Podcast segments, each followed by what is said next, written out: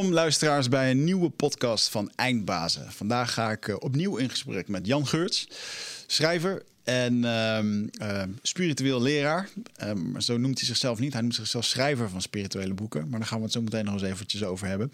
Voordat ik met hem in gesprek ga, eventjes de, uh, een bedankje naar onze sponsoren. TotalSeed.nl voor ja, een bedrijf wat gespecialiseerd is in massagestoelen. Ja, hij is hier net een week weg. We hebben er uh, ernstig van genoten. Anders had je hem nog even kunnen proberen, Jan. We hadden hier, hadden hier een beetje de Tesla onder de massagestoelen hadden we hier staan. als een soort van onderhoud in je lichaam. En iedere keer als we hier kwamen, dan zaten of wij of de gasten zaten in die stoel. Maar we gingen de studio verbouwen, dus hij moest ook weer weg. Maar we hebben er wel um, dik bijna een half jaar van genoten. Uh, dus kijk daarvoor eventjes op, uh, op totalseat.nl. En daarnaast zijn we de jongens van Gymbox ontzettend dankbaar voor hun bijdrage aan onze show. Gymbox is een bedrijf dat zich, dat zich richt op uh, zeecontainers die ze door midden zagen of volledig aankleden als personal training gym. Uh, dus als je een sportschool wil hebben, maar je kan geen pand kopen, dan koop je zo'n zeecontainer. Die zet je ergens neer.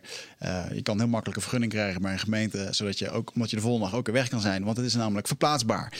Ideaal voor, uh, voor personal trainers of voor bedrijven of, of overheidsdiensten die, die op locatie moeten trainen en snel van start moeten kunnen.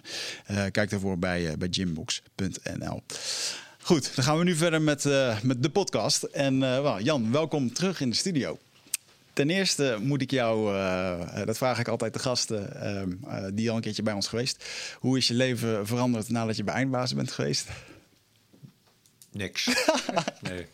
Nee, ik geloof het niet. Ik vond het gezellig hoor. We hebben gezellig okay, okay. de vorige keer. Wat is dat bijna twee jaar geleden of zo? Ik denk langer al. Ik denk langer bijna drie jaar geleden. Ja, ja. ja. ja. Nee hoor, er is niks veranderd. Bedoel, er verandert altijd wat, maar niet per se door eindbazen. Oké, okay, oké. Okay, ja. nou. uh, dan, uh, ja goed, dan moet je toch een soort van feliciteren. Ik wou dat ik hier een soort uh, gouden eindbazen logo had. maar weet dat jij de best beluisterde podcast bent van de 173 opnames die we hebben gedaan. Oké. Okay.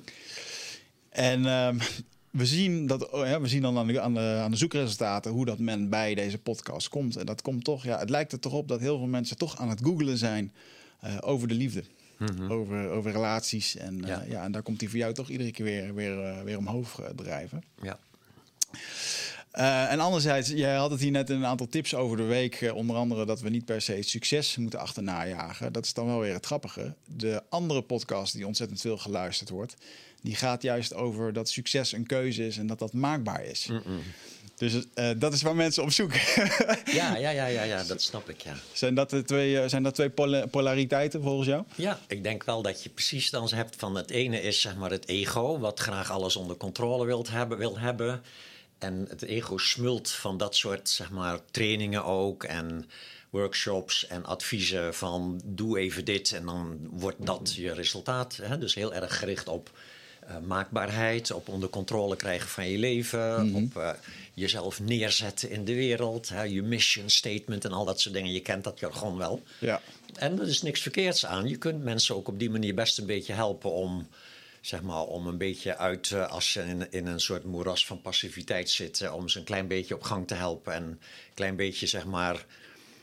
Um, controle over hun leven te nemen. Alleen mm. het is vanuit de spirituele visie is het altijd schijncontrole. Ja. Ja, een, een, een manier van kijken naar de werkelijkheid die uh, uh, in feite inherent ook weer zijn eigen ellende oplevert. Want zo gauw je gelooft dat uh, je leven onder controle is, dat jij de controle hebt op je leven en er gebeurt iets wat je niet leuk vindt, mm -hmm. dan zul je ook onmiddellijk het gevoel hebben dat je faalt. Ja. Ja, en dan heb je meestal zelfafwijzing als resultaat, of het gevoel dat je faalt, mislukt bent, niet goed genoeg bent, dat soort dingen. Uh, terwijl het leven zich ontrolt volgens zeg maar enorm veel oorzaken en omstandigheden die daar invloed op hebben. En dat is echt niet alleen maar wat jij graag wil. Nee. En zelfs niet waar jij bekwaam in bent. Dat is een factor die meetelt natuurlijk. Naast die duizenden andere factoren waar je helemaal niets over te zeggen hebt. Hmm. Dus uh, vanuit de spirituele visie wordt eigenlijk juist aangeraden om natuurlijk op, op het gewone wereldse vlak doe je je dingen. Weet je wel, je wil een bedrijfje opzetten of je wil een studie gaan doen of zo. Moet je gewoon doen natuurlijk. Je hebt een idee van dat lijkt me leuk en dat ga je doen. Maar tegelijkertijd kun je vanuit een ruime perspectief er al naar kijken en zeggen van uh, dit is soort van dit lijkt me leuk als dit zou gebeuren. Ja. Maar het kan best zijn dat het heel anders gaat en dan is het ook goed. Ja. Ja. ja dat is de, ik, ik hoor heel veel non-dualiteit hierin uh, in terugkomen. Mhm. Uh, en je, je noemde het net heel erg mooi. Dat sommige mensen die zitten in een moeras van passiviteit. Um, en ik denk dat uh, die twee zijn natuurlijk ook wel heel erg lastig. Dat de mensen die, die voelen dat ze niet vooruitkomen, waar het leven stroperig is, um, die kunnen heel erg moeilijk begrijpen dat dat, dat, dat gewoon zo is, omdat het zo is. Mhm. Um, zou je zeggen dat daar bij die mensen die in een moeras van passiviteit zitten, dat daar ook een bewustzijnsverschil in zit? Dat die nog aan een, soort van begin staan van? Hmm, dat kan je heel moeilijk uh, beoordelen over andere mensen waar ze staan. Want je kunt evengoed in een soort passiviteitscrisis zitten, uh, die als het ware een symptoom is van een soort bijna doorbraak op spiritueel gebied. Ja. Ja, omdat je al, zeg maar, al je gewone manieren, al ego's gewone manieren om je leven leuk te maken, die zijn al vastgelopen. Mhm. Verslaafd ben je al geweest, weet je wel. Relaties heb je al geprobeerd, weet je wel. Uh, succes heb je al gehad misschien. ja, en dan kun je ook in zo'n soort van, wat heeft dit allemaal voor zin en is dit nou alles bui terechtkomen. En dat is dan vaak het moment waarop je uh, dingen gaat afvragen die je daarvoor nooit hebt afgevraagd. Zoals wie ben ik eigenlijk? Wat is eigenlijk überhaupt de functie van mijn verschijnen in de wereld? Dat soort ja, dingen. Hè? Ja. Hey, en um, vorige keer hebben we wel twee uur gekletst. Al heel veel onderwerpen hebben we uh, besproken. En ik was eigenlijk wel heel erg benieuwd. Wat is de grote groei die jij in die afgelopen drie jaar, in die tussentijd, wat is de grote groei die jij zelf hebt meegemaakt? Mm, ik weet niet of ik zoveel gegroeid ben in die drie jaren. Dus Inzichten of. Mm. Ja. Het grappige is, ik ben al een jaar of twintig bezig met zeg maar, de beoefening van Dzogchen, hè, van Tibetaans boeddhisme. En daarnaast de laatste pakweg vijf jaar ook van Advaita. Inquiry van Advaita. Eigenlijk uh, heb ik het gevoel dat er een soort, een soort constante groei uh, ontstaat op een bepaald moment. Niet zo heel veel pieken meer, een soort van doorbraken meer of wat dan ook. Um, terwijl tegelijkertijd, als je dan terugkijkt, drie jaar geleden bijvoorbeeld, zat ik nog uh, in de nadagen van een zware relatiecrisis. Dus ik had het toen best wel zwaar ook op sommige momenten. En daar was ik dan wel mee aan het beoefenen. Maar dat betekent niet dat het dan meteen leuk wordt. Dan blijft het gewoon heel erg zwaar. Ja. Alleen je probeert dan als het ware dat te herkennen als de zwaarheid als iets wat zich in je eigen geest afspeelt. En niet per se waar de ander dan de schuld van is. Ja. Dus de, die beoefening heb ik veel gedaan. En uh, tegelijkertijd, tijd, tijd heelt ook een hoop wonden. Hè? Dus dat zijn we jaren verder en die relatiecrisis is echt achter de rug ja. uh, voor mij nu. Dus ik kan wel zeggen, ik heb daar heel veel aan gehad, die moeilijke jaren. Ik heb daar toen ook dat boek over liefde en loslaten over geschreven. En uh, dus ook aan het schrijven van dat boek heb ik veel gehad. Mm -hmm. hè? Want het is leuk voor anderen, maar het is voor jezelf ook buitengewoon leerzaam om je, je ervaringen op zo'n manier op papier te zetten en uh, te publiceren. Dus verder is het een soort, uh, een soort stroom. Ik bedoel, in het, in het begin van je spirituele pad heb je vaak van die, van die heftige fluctuaties. Dat je periode hebt dat je ineens allemaal nieuwe dingen ziet. Weet je wel, extatische momenten en diep in de put zitten van dit gaat mij nooit lukken. Weet je wel, dat soort dingen. Ja. Maar op een gegeven moment krijg je gewoon toch een beetje door hoe het werkt. Ja. En dat het gewoon een kwestie is van gewoon elke dag maar gewoon je beoefeningen doen. En de rest van de dag proberen, zeg maar, zo bewust mogelijk te zijn met wat er is. Hè? Zoals Ja. dat in jargon genoemd wordt.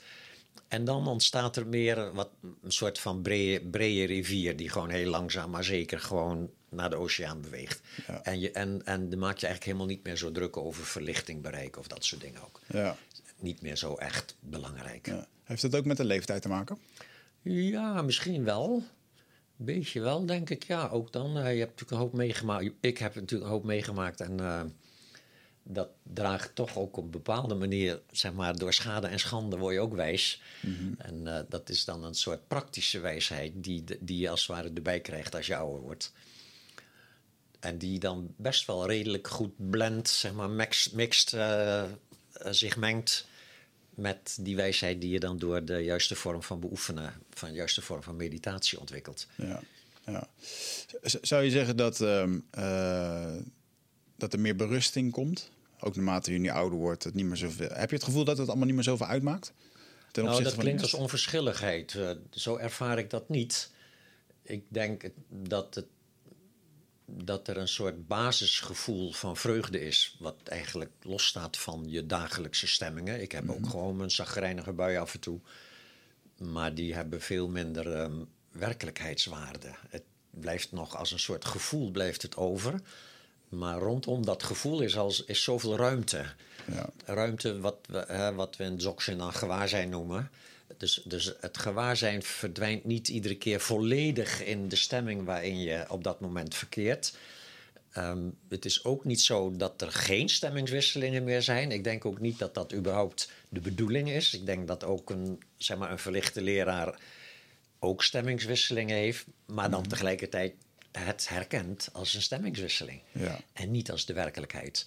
Ja. Dus doorgaans als mensen in een stemming zitten, bijvoorbeeld in een, in een depressieve stemming, dan is op dat moment de werkelijkheid voor hun ook zinloos of waardeloos of, of verschrikkelijk pijnlijk of wat dan ook. Ja. Ja, dus dat heet dan identificatie. Dus dat gewaarzijn identificeert zich met je gedachten en je gevoelens, met je ego, met je lichaam.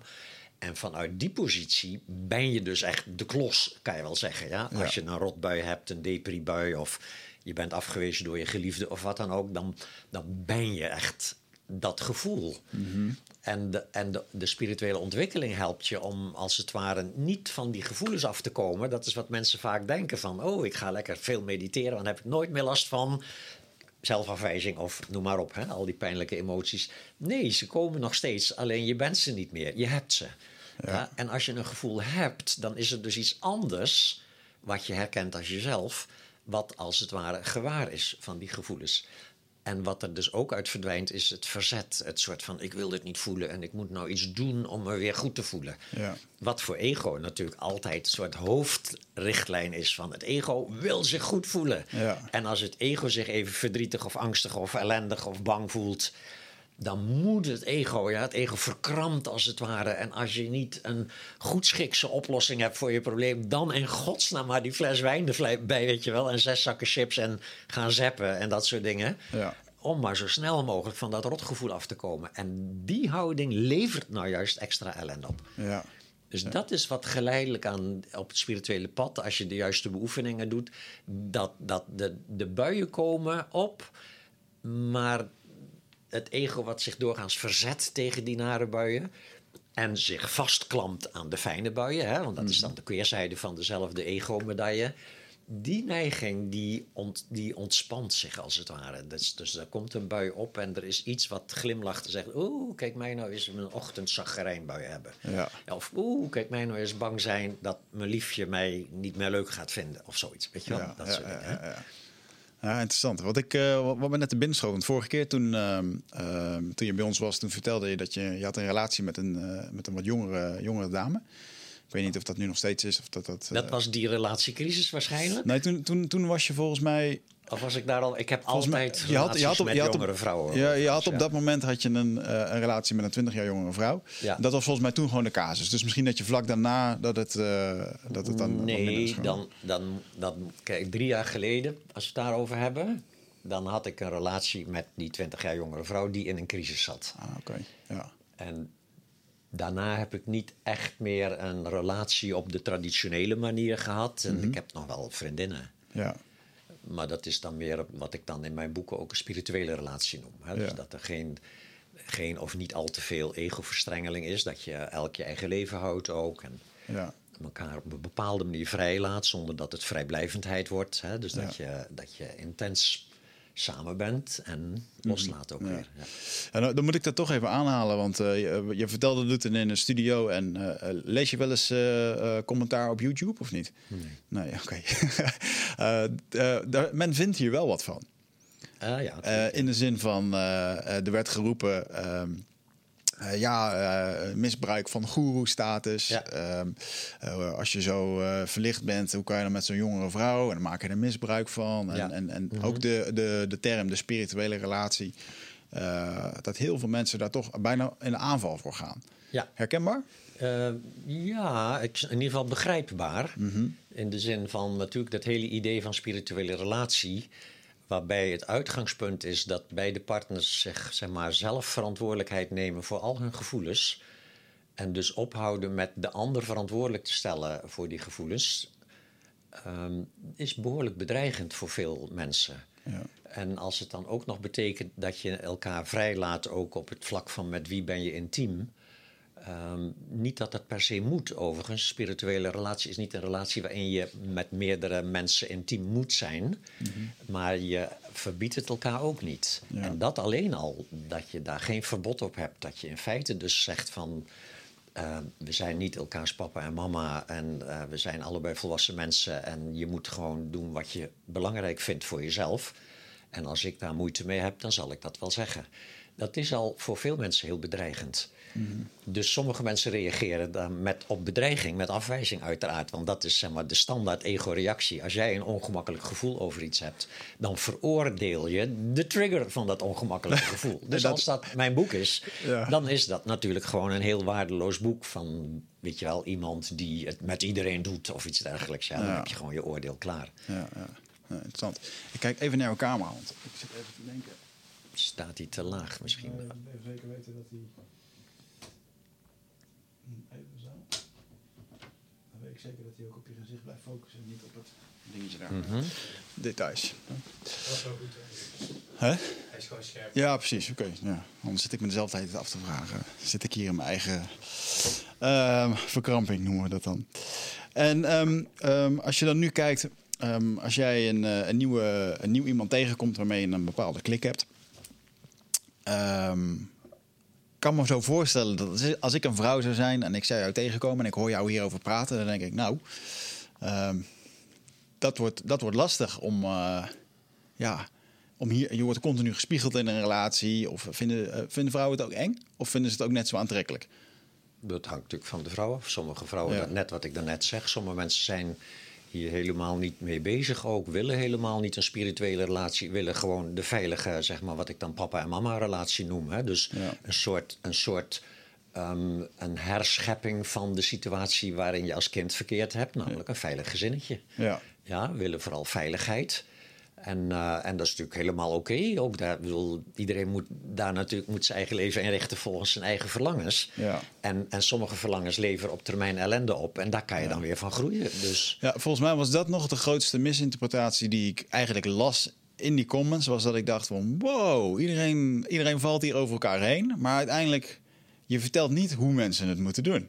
Je geeft gewoon een idee wat er mogelijk is. En waar je ook bij stil kan staan. En er is geen goed of fout. ja. Eh, terwijl het merendeel toch, eh, ja, toch aan papa en mama een relatie vasthoudt. Ja. Dat, en alsof ik zou, ah, zeg maar, echt zou propageren dat iedereen als het ware een eh, polyamoreuze relatie moet gaan beginnen of iets dergelijks. Nee, daar moet je zeker niet aan beginnen als je daar niet een soort van attractie naar hebt. Natuurlijk een fascinatie van wat er is er allemaal nog te leren op dit gebied. Als je dat niet hebt en je hebt een partner en je bent allebei blij met gewoon zeg maar, je veilige eh, monogame relatie houden zo, weet je wel. Het zal uiteindelijk zal het natuurlijk toch zijn problemen opleveren die weer bijdragen aan spirituele groei. Dus het kan niet misgaan. Ja, dus wat je ook kiest, het is al. Ja, Wat je ook kiest, weet je wel, het leven, eh, als, zeg maar, voor zover je keuzes bepaald worden door het ego, leveren ze op termijn de ellende op die je nodig hebt om dat deel van je ego te leren kennen en eventueel te overstijgen. Ja.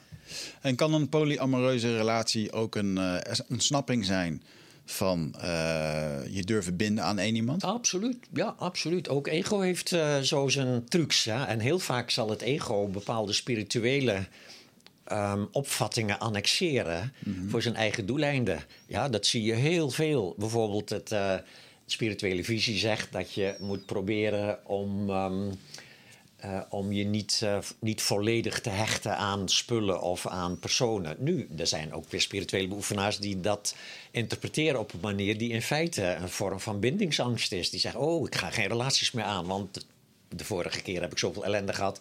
Ik begin er niet meer aan. Dus dan lijkt het alsof je heel spiritueel ontwikkeld bent door je niet meer te hechten aan mensen. Maar in feite ben je gewoon een, een soort bindingsangst aan het ontwikkelen met een spiritueel sausje. Ja. Dus dat, eh, dat is een voorbeeld van hoe het ego, zeg maar, spirituele opvattingen kan annexeren. Hetzelfde met in een ego-relatie. Ego's zijn vaak bang om hun partner te verliezen. Ja? Maar als je er nog eentje hebt, dan wordt die angst gehalveerd. Ja? Dus, dus je hebt een relatie met iemand en je hebt nog een zo'n soort van intieme relatie met iemand anders Ja. dat is voor het ego is dat een soort spreiding van afhankelijkheid. Waarbij je dus zeg maar per saldo je afhankelijkheid van die ene persoon voor de helft vermindert. Omdat je nog iets hebt om terug te vallen. Dus het Ja. idee van deze gaat me in de steek laten is iets minder beangstigend voor het ego. Als je nog weet van ja, maar dan heb ik altijd nog die ander. Ja. Wat natuurlijk ook weer een schijnveiligheid is. Want je kan ook even goed binnen een maand tijd beide partners kwijtraken. ja, dubbel feest. Ja, ja, ja. Er is geen enkele garantie op eh, duurzaamheid van een relatie. En dan zie je het meer in jouw cursus eh, die je nu voorbij komt. Dat zijn, zijn er meer, meer en meer mensen die, eh, die dit pad opgaan van de spirituele relatie. En dan vooral eventjes richting... Want, want het spirituele relatie hoeft voor mij nog niet eens polyamoreus te zijn. Eh, spirituele relatie is in mijn ogen meer dat je bij elkaar blijft zolang de liefde stroomt. En, en ja, ehm, eh, en Ja, daar- en wel met dat aspect erin van dat je allebei verantwoordelijkheid neemt voor je eigen gevoelens. Juist. Dus ook als de ander iets doet of zegt en jij voelt je daardoor gekwetst of bang, dat je weliswaar deelt met die ander van wat je daarnet zei of wat je aan- aan het doen bent, maakt me heel erg bang Ja. of kwetst me, maar niet van jij moet daarmee ophouden. ja, ja, Dat, nee, dat is echt is mijn probleem, ik ga daarmee aan het werk. ja.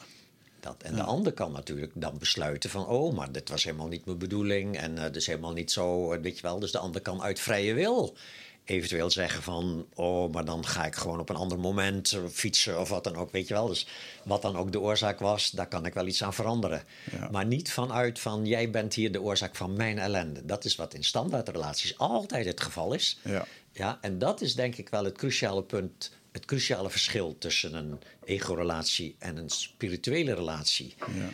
Een spirituele relatie is natuurlijk altijd ook een ego-relatie. Ik bedoel, als twee mensen, weet je wel, gek op elkaar zijn... en zeker als je veel tijd met elkaar doorbrengt... dan vindt er altijd een ego-verstrengeling plaats. Die persoon wordt een deel van je zelfbeeld. Ja. Kan niet vermeden worden, moet je ook niet proberen te vermijden... want dan kom je in die valkuil van de bindingsangst met een Ja. spiritueel sausje.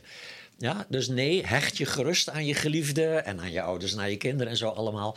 Alleen op het moment dat er dan iets misgaat in die relatie, en eigenlijk is misgaan niet eens het goede woord, maar op het moment dat er iets gebeurt waardoor je pijn hebt, waardoor je angst voelt of beknelling voelt, dat is het moment waarop het verschil maakt. Als je dan zegt van jij moet daarmee ophouden, want ik heb hier last van, Ja. dat is standaard, weet je wel. En als je zegt van lieverd, ik vind het vreselijk moeilijk wat er nu gebeurt. Ik ga kijken of ik daarmee kan dealen. Ja, dan neem je verantwoordelijkheid voor wat, er, wat je voelt. Ja. En dat laatste is een soort recept voor spirituele groei. Ja. En zijn we, als ik dan eventjes naar een standaard eh, gesprek van, bij, bij, van een stelletje bij een psycholoog eh, zie, hè, bijvoorbeeld even naar, zo- naar zo'n film kijkt, dan probeert men elkaar vaak te fixen. Eh, is, dat, is dat iets... Wat bedoel je met fixen hier? Nou, in de zin van ehm, eh, de ene is het werkt niet, de relatie. Dus we gaan elkaar proberen te fixen. Oftewel, we moeten elkaar aanpassen. Hij moet Ja. dit doen, zus en zo. En vaak. ehm, eh, ja, allebei een beetje water bij de wijn. Ja, Ja, dat heet investeren in de relatie. En Ja. dat is een eufemisme voor zelfamputatie.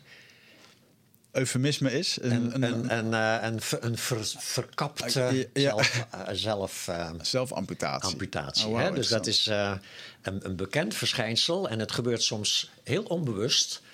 Ook eh, bijvoorbeeld de ene partner heeft moeite met een bepaalde bezigheid, een bepaalde gewoonte van de andere partner. De andere partner krijgt dat door, wordt bang dat de partner die daar moeite mee heeft misschien wel meer afstand gaat nemen of zelfs ervan doorgaat en gaat vervolgens zichzelf corrigeren, als het ware. Ze zichzelf amputeren. Ik kan een voorbeeld geven. Toen ik, eh, lang voordat ik op het spirituele pad zat, eh, leerde ik eh, zeg maar, iemand kennen waar ik behoorlijk verliefd op was. En dat was in de tijd dat ik drummer was in een band, in de, in de tijd van de Haagse bandjes. Dit is even een, een eh, opa verteld onderdeeltje. Je hebt je vorige Ja. keer heel veel over verteld over Ja, jouw jaren band. 70, Ja, ja, eh, ja. Den Haag, popstad nummer 1. En ik was daar drummer in een bluesband. En dat was een ruig leven. eh, Met eh, amfetamine gebruik om een hele avond te kunnen doorgaan. En groepies uiteraard. Ja, groepies die stonden te wachten totdat je eh, aandacht aan ze gaf. En eh, wat weer een eufemisme is voor seks hebben ermee. Ja. Dus eh, mijn, mijn toenmalige zeg maar, eh, nieuwe vriendin vond dat allemaal best wel heel bedreigend. En ik was dus bang dat ze zou afhaken. En dat was voor mij een reden om te stoppen met, met dat werk. Om te stoppen met in een band te spelen. Oh, wauw. Ja, dus dat, eh, dat heet zelfamputatie. Ja. In, mijn- in mijn boek Bevrijd door Liefde geef ik een voorbeeld van een echtpaar waarvan de vrouw een balletcarrière heeft. En de man ehm, last heeft van het feit dat zij regelmatig dus op een tamelijk intieme wijze danst met andere mannen voor haar werk. Ja, moderne ballet is behoorlijk, weet je wel, lichamelijk. En het was niet eens een, een nare man. Want hij zei natuurlijk niet van dat mag je niet doen. Maar hij vond het wel vreselijk moeilijk om ernaar te kijken. En nam dat zichzelf vooral kwalijk ook. Dus helemaal niet dat hij haar dat verweet. Hij zei van natuurlijk moet je dat doen. Dit is jouw lust en jouw leven, weet je wel. Maar ik ga niet meer mee naar je voorstelling. Ik ga niet meer naar een première of zo, weet je wel. En dat deed hij dan. En zat hij thuis zat hij, zeg maar, te mokken en het Ja. moeilijk te hebben. En zij voelde geleidelijk aan daar toch een soort dreiging van uitgaan. Totdat ze op een bepaald moment een aanbod kreeg om, om eh, balletjuf te worden op zo'n balletschool met allemaal leuke kleine kindertjes die ballet willen leren. En zij koos voor een carrière switch. Ja. Wat heel duidelijk een vorm van zelfamputatie Oh, was. wauw. Ja, om, omdat ze doorhad dat die man het misschien wel niet aan zou kunnen op langere duur. Ja. Ja, dus dit is een voorbeeld van zelfamputatie. En jij zegt niet doen. Nou ja, kijk, als je het doorkrijgt. bedoel, je denkt dat je daarmee je relatie een soort positieve impuls geeft. Maar het tegendeel is het geval. Ook al lijkt het op dat moment alsof het weer pais en vree is en de man is gerustgesteld. Ja, maar, maar onderhuids zit er bij degene die zichzelf amputeert, zit er een gevoel van eh, zich te hebben opgeofferd voor de ander en voor de relatie. Nou, dat is een, daar moet een prijs voor betaald worden. Ja. Ja, en die prijs die moet dan van die ander komen. Die moet dan daarna niet meer moeilijk doen over, weet je wel, als ik Ja. dit of dit of dat wil. Want ik heb voor jou heb ik al mijn hele balletcarrière. En dat is niet eens expliciet die soort voor wat hoort wat. Maar dat is hoe het ego werkt. Ja. Ja, ik heb me heel erg opgeofferd voor deze relatie. Wanneer offer jij een keer op, weet je wel? Wanneer ga jij eens een keer wandelen met de kinderen als ik te moe ben, weet je wel? En eens he- heeft zij recht op dat haar partner ook dingen gaat doen die die niet leuk vindt. Ja, ja. En zo dwing je elkaar tot het doen van dingen die je niet leuk vindt. En dat heet dan investeren in de relatie. Ja. terwijl je in feite elkaar dwingt om onecht te zijn. Ja. hetzelfde met van meegaan naar de verjaardag van je schoonfamilie. Weet je wel, veel mensen hebben er helemaal geen zin in. Schoonfamilie is niet mijn familie. Ja, waarom moet ik mee naar die verjaardag? Om jou een plezier te doen? Nou, ik zou willen dat je dat helemaal niet zou willen Ja. dat ik, weet je wel, dat, dat je, hoe, hoe kan je het leuk vinden als, je, als ik bij je mee, met je meega en je weet dat ik daar die hele avond me zit op te vreten over jouw familie? Ja. En dat, hè, dat als je dat echt nagaat van hoe kan je willen dat een ander bij jou is terwijl die daar niet helemaal zin in heeft? Ja. Oh, wauw. En is dit... ehm, ehm, ja, ik, je- ik mag jou... Ik, ik mag je geen kluizenaar noemen, maar je bent wel heel erg op jezelf. Ehm, en ik weet ook dat jij wel eens hebt verteld dat je eh, last hebt van dat ze jou... Vroeger was dat een ding voor je, dat ze jou niet aardig vonden. De nice guy, hè? het Nice nice guy guy, patroon. ja. Hè? De Dus- altijd bang om afgewezen te worden en daardoor Ja. altijd vriendelijk tegen mensen. Eh, Vechten die twee nog wel eens? Als je nu ergens verplicht heen moet, of je voelt dat je verplicht moet, maar dat je denkt van ja, straks vinden ze me dan niet aardig. Is dat Oh, een, dat eh, gaat stukken beter. Maar tegelijkertijd, ehm, het nice guy patroon. Dus dat je soms bang bent om eerlijk te zijn tegen mensen. Ah, omdat je dan bang bent om onaardig gevonden te worden. Dus dat je voor- vooral goed bent in zeg maar, ontwijkende smoesjes en zo. Dat kan ik nog steeds doen, alleen ik heb daar geen oordeel meer over. En tegelijkertijd, als ik het echt belangrijk vind, durf ik wel gewoon te zeggen van... oh nee, stop, daar heb ik geen zin in. Ja. Dat, dus dat, dus het, het werkt naar twee kanten. Het, het, zeg maar, op ego-niveau heb ik natuurlijk ook mijn trainingen gedaan, eh, al lang geleden, maar trainingen in assertiviteit. Hè? Eh, en dan leer je gewoon van dat nice guy gedrag, dat is verwerpelijk, daar moet je vanaf. Ja. In plaats daarvan moet je leren om direct en eerlijk te zijn en assertief. En daar heb ik trainingen voor gevolgd. En, en dat heeft mij ook best ook wel geholpen. Ja. Hè, zeker als je werkt met groepen mensen, dan moet je ook af en toe wel iets durven zeggen wat mensen niet leuk vinden om te horen. Ja. Dus dat heb ik wel geleerd als maar door training. En dat is dus als het ware een soort persoonlijkheidsontwikkeling, ego-training. Ja, wat niks verkeerds aan is, heb ik best wel baat bij gehad. Ja. Maar daarna heb ik dus die spirituele training gedaan, en nog steeds. En dat laat je zien dat elk oordeel gewoon in feite optioneel is. Ja. Ja, Zodra je jezelf afwijst, ben je eigenlijk lijden aan het creëren. Dus ik heb mijn momenten, dan kom ik op straat iemand tegen en die persoon die ik noem maar wat, die persoon zegt: Kom je eens langs op de koffie? Heb ik dan helemaal geen zin in. Dan zeg ik: Nee, ik heb helemaal geen zin om bij jou op de koffie te komen. Dat zeg ik dan niet. Weet je wel? Dan ja, heb ik gewoon een, een soort van cultureel correct. soort van, van, ja, wie weet komt het er ooit nog eens van. De goede verstaander kan dan horen: Oh, hij heeft niet zo'n zin. Maar je zegt het niet, snap je? Dat is een beetje een soort nice guy, maar ook Ja. gewoon tact, tactisch omgaan met mensen. Niet al te bot en direct zijn. Ja. Ik heb dat nog steeds. Ik vind het nog steeds wel oké dat, weet je wel, dat dus af en toe gewoon eh, een soort van pais en vree-achtige manier van omgaan met mensen. Ja, de vrede willen bewaren Ja, inderdaad. Ja. ja. Maar echt belangrijke dingen. Hè? Ik krijg regelmatig ook mensen bijvoorbeeld die, die dan een gesprek met mij willen... of die, die mij uitnodigen voor iets waar ik dan helemaal geen zin in heb. Ja, daar, daar, dan doe ik echt, dan zeg ik echt nee. Ja. Grappige dingen. Ik word soms uitgenodigd. De laatste keer kreeg ik een mailtje van een mevrouw... Mijn man en ik zijn grote fan van jouw boeken. En nu zijn we 50 jaar getrouwd en we willen jou uitnodigen voor een etentje. Met ons drieën. Wow. Ja, en dan denk ik, mijn god, weet je wel, wat lief van je. Ik wel. Dus ik zeg altijd van, wat dank je wel voor je uitnodiging. Wat grappig, weet je wel. Of Ja. wat, eh, wat aardig van je. En dan zou ik eigenlijk moeten zeggen van... Snap je niet dat ik me gewoon ontzettend opgelaten ga voelen... als ik aan zo'n uitnodiging moet voldoen? Ja. En dat ik daar bij jullie als een soort, als een soort opgevuld konijn daar op jullie, Ja, jullie dit is jouw training, Jan. dit is jouw training. Dus dat zeg ik natuurlijk niet. Maar dan zeg ik wel van nee, nee, dankjewel voor je uitnodiging. Maar ik zou me vreselijk opgelaten voelen als ik dan bij jullie aan tafel zou zitten. Ja. Als de schrijver van die boeken, Ja. weet je wel. Dus ik kom niet. Het succes van onze 50 jaar samen. Ja, zoiets. Hè? Ja, dat, Soort, eh, dat soort dingen durf ik nu wel te zeggen. En ook krijg ik natuurlijk vaak uitnodigingen om lezingen te komen geven op plekken die ik te ver weg vind of waar de zaal veel te klein is of dat soort dingen. En dan Ja. zeg ik ook gewoon nee, nee, dat doe ik niet meer. Ja. Dat, dat heb ik nu wel geleerd. En, en, en, het, en dat is gewoon puur omdat ik me eh, bij het alternatief nader voel. Ik vind het nog steeds moeilijk om dus gewoon een eerlijk antwoord te geven. Ik voel altijd nog die nice guy angst van...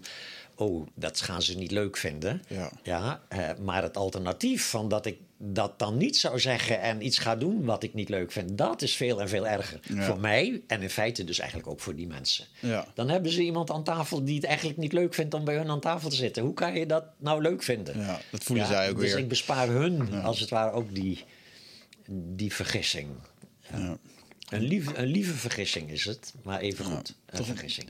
Het, wel, wel bijzonder hè, hoe dat mensen jouw boeken lezen. En dat ze zich daardoor geholpen voelen. Ze herkennen zich in de dingen die je schrijft. Waarschijnlijk veel in de voorbeelden en in de, in de dingen die je daarin aanreikt. En dat er vervolgens uit dat boek, uit die letters, ontstaat een bepaald beeld van wauw, hey, hey, die Jan die snapt het echt. Eh, ja, weet je, die gaan, we, die gaan we uitnodigen voor onze 50ste verjaardag. Dat, dat, Ja, dat is toch bijzonder, weet Dat je? is wel grappig, hè? Ja. Eh, ja. En, en ergens, Mensen kijken, natuurlijk, mensen zien, aan, wij, bedoel, wij allemaal, als we naar andere mensen kijken, zien we altijd onze eigen projectie. En dat helpt mij ook om niet, eh, om niet te veel eh, te gaan geloven dat het echt waar is. Dat ik dan zo bijzonder zou zijn. Dit is mensen hun projectie. En ik vind het leuk. Ik bedoel, na een lezing komen mensen ook wel eens naar me toe. En dan zijn ze heel dankbaar en zo. Ik ben zo blij met je boeken. En dat, en dat vind ik leuk om te horen. En mijn ego mag ook gerust blij zijn met die erkenning. Ja. Maar ik zie ook dat het niet over mij gaat. Ja. Het gaat over het beeld wat zij hebben van mij. En dat beeld, dat is kennelijk hun vreugde over ja, deze kennis, deze spirituele kennis. En die kennis is natuurlijk ook niet van mij. Weet je Ja. Die komt gewoon door me heen. En die heb ik weer gekregen en ik geef door waar ik dat kan doorgeven. Ja, interessant. Ik heb dat als vraag opgeschreven. Omdat er, eh, er zijn de laatste tijd best wel wat documentaires over uh, goeroes... die eh, tot een bepaald punt zijn gekomen... waar ze bijvoorbeeld eh, misbruik zijn gaan maken van, van de situatie. Um, een eerste vraag die ik daarover eh, wilde stellen... want je hebt vaak voor zalen dat je daar staat. Mensen eh, vinden het heel mooi wat je vertelt, komen voor jou. Heb je wel eens bij jezelf, heb je zelf wel eens erop betrapt... dat, er dan dat, dat het ego dan komt van... hé, hey, hier, hier is, ik krijg hier goeroe-status... Is dat wel eens in dat moment dat je dat dan krijgt? Dat je jezelf er bewust van wordt? Als er drie mensen voor je staan te wachten en uh, allerlei vragen voor je hebben? Tuurlijk, ja, ja tuurlijk wel. Dus, ik bedoel, je, je, wordt niet, je wordt niet dom of zo. Nee, ik nee, zie nee, die maar- dingen wel. Ik zie wel dat mensen daar tegenop kijken. En, Mensen noemen het soms ook wel guru, weet je wel, eh, dat soort dingen. Ja. En dan denk ik achteraf, denk ik van binnen guru Jantje, weet je wel.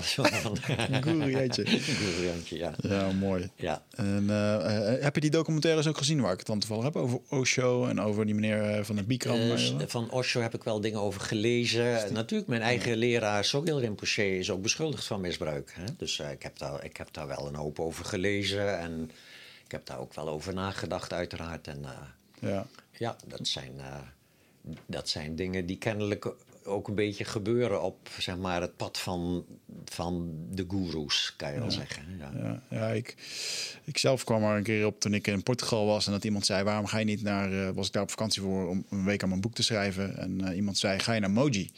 Ja. Toen dacht ik: Moji woont hij in Portugal? Wist ik niet. Dus ik had even gegoogeld. Nou, vind ik wel leuk om daar een keer heen te gaan. Want ik vind Ja. dat hij interessante dingen zegt. Maar toen zag ik daar inderdaad filmpjes van dat mensen toch in witte kleden daarheen gaan, zijn voeten kussen. En toen dacht ik echt: nou, hier ga ik mijn zondag echt niet spenderen. Ik, had er, ik had er meteen een afkeer van: van ja, dit is voor mij gaat dan weer te ver. Ja. Mhm. Toen hoorde ik hem later in een video zeggen van ja, maar als mensen de voeten van een goeroe, van een meester willen kussen, dan mag dat gewoon. Ik vond dat vroeger ook fijn. En dan en toen dacht ik ja, nou, het voelt voor mij in ieder geval niet. eh, ja. Mhm. Eh, wat, Ja. wat, wat vind jij van, van zoiets? Is dat een. eh, Kijk, ik heb natuurlijk een hoop meegemaakt bij Tibetanen. En daar, daar zit, zeg maar, in die cultuur zit een enorme eh, verering in van de leraar, van de guru. En eh,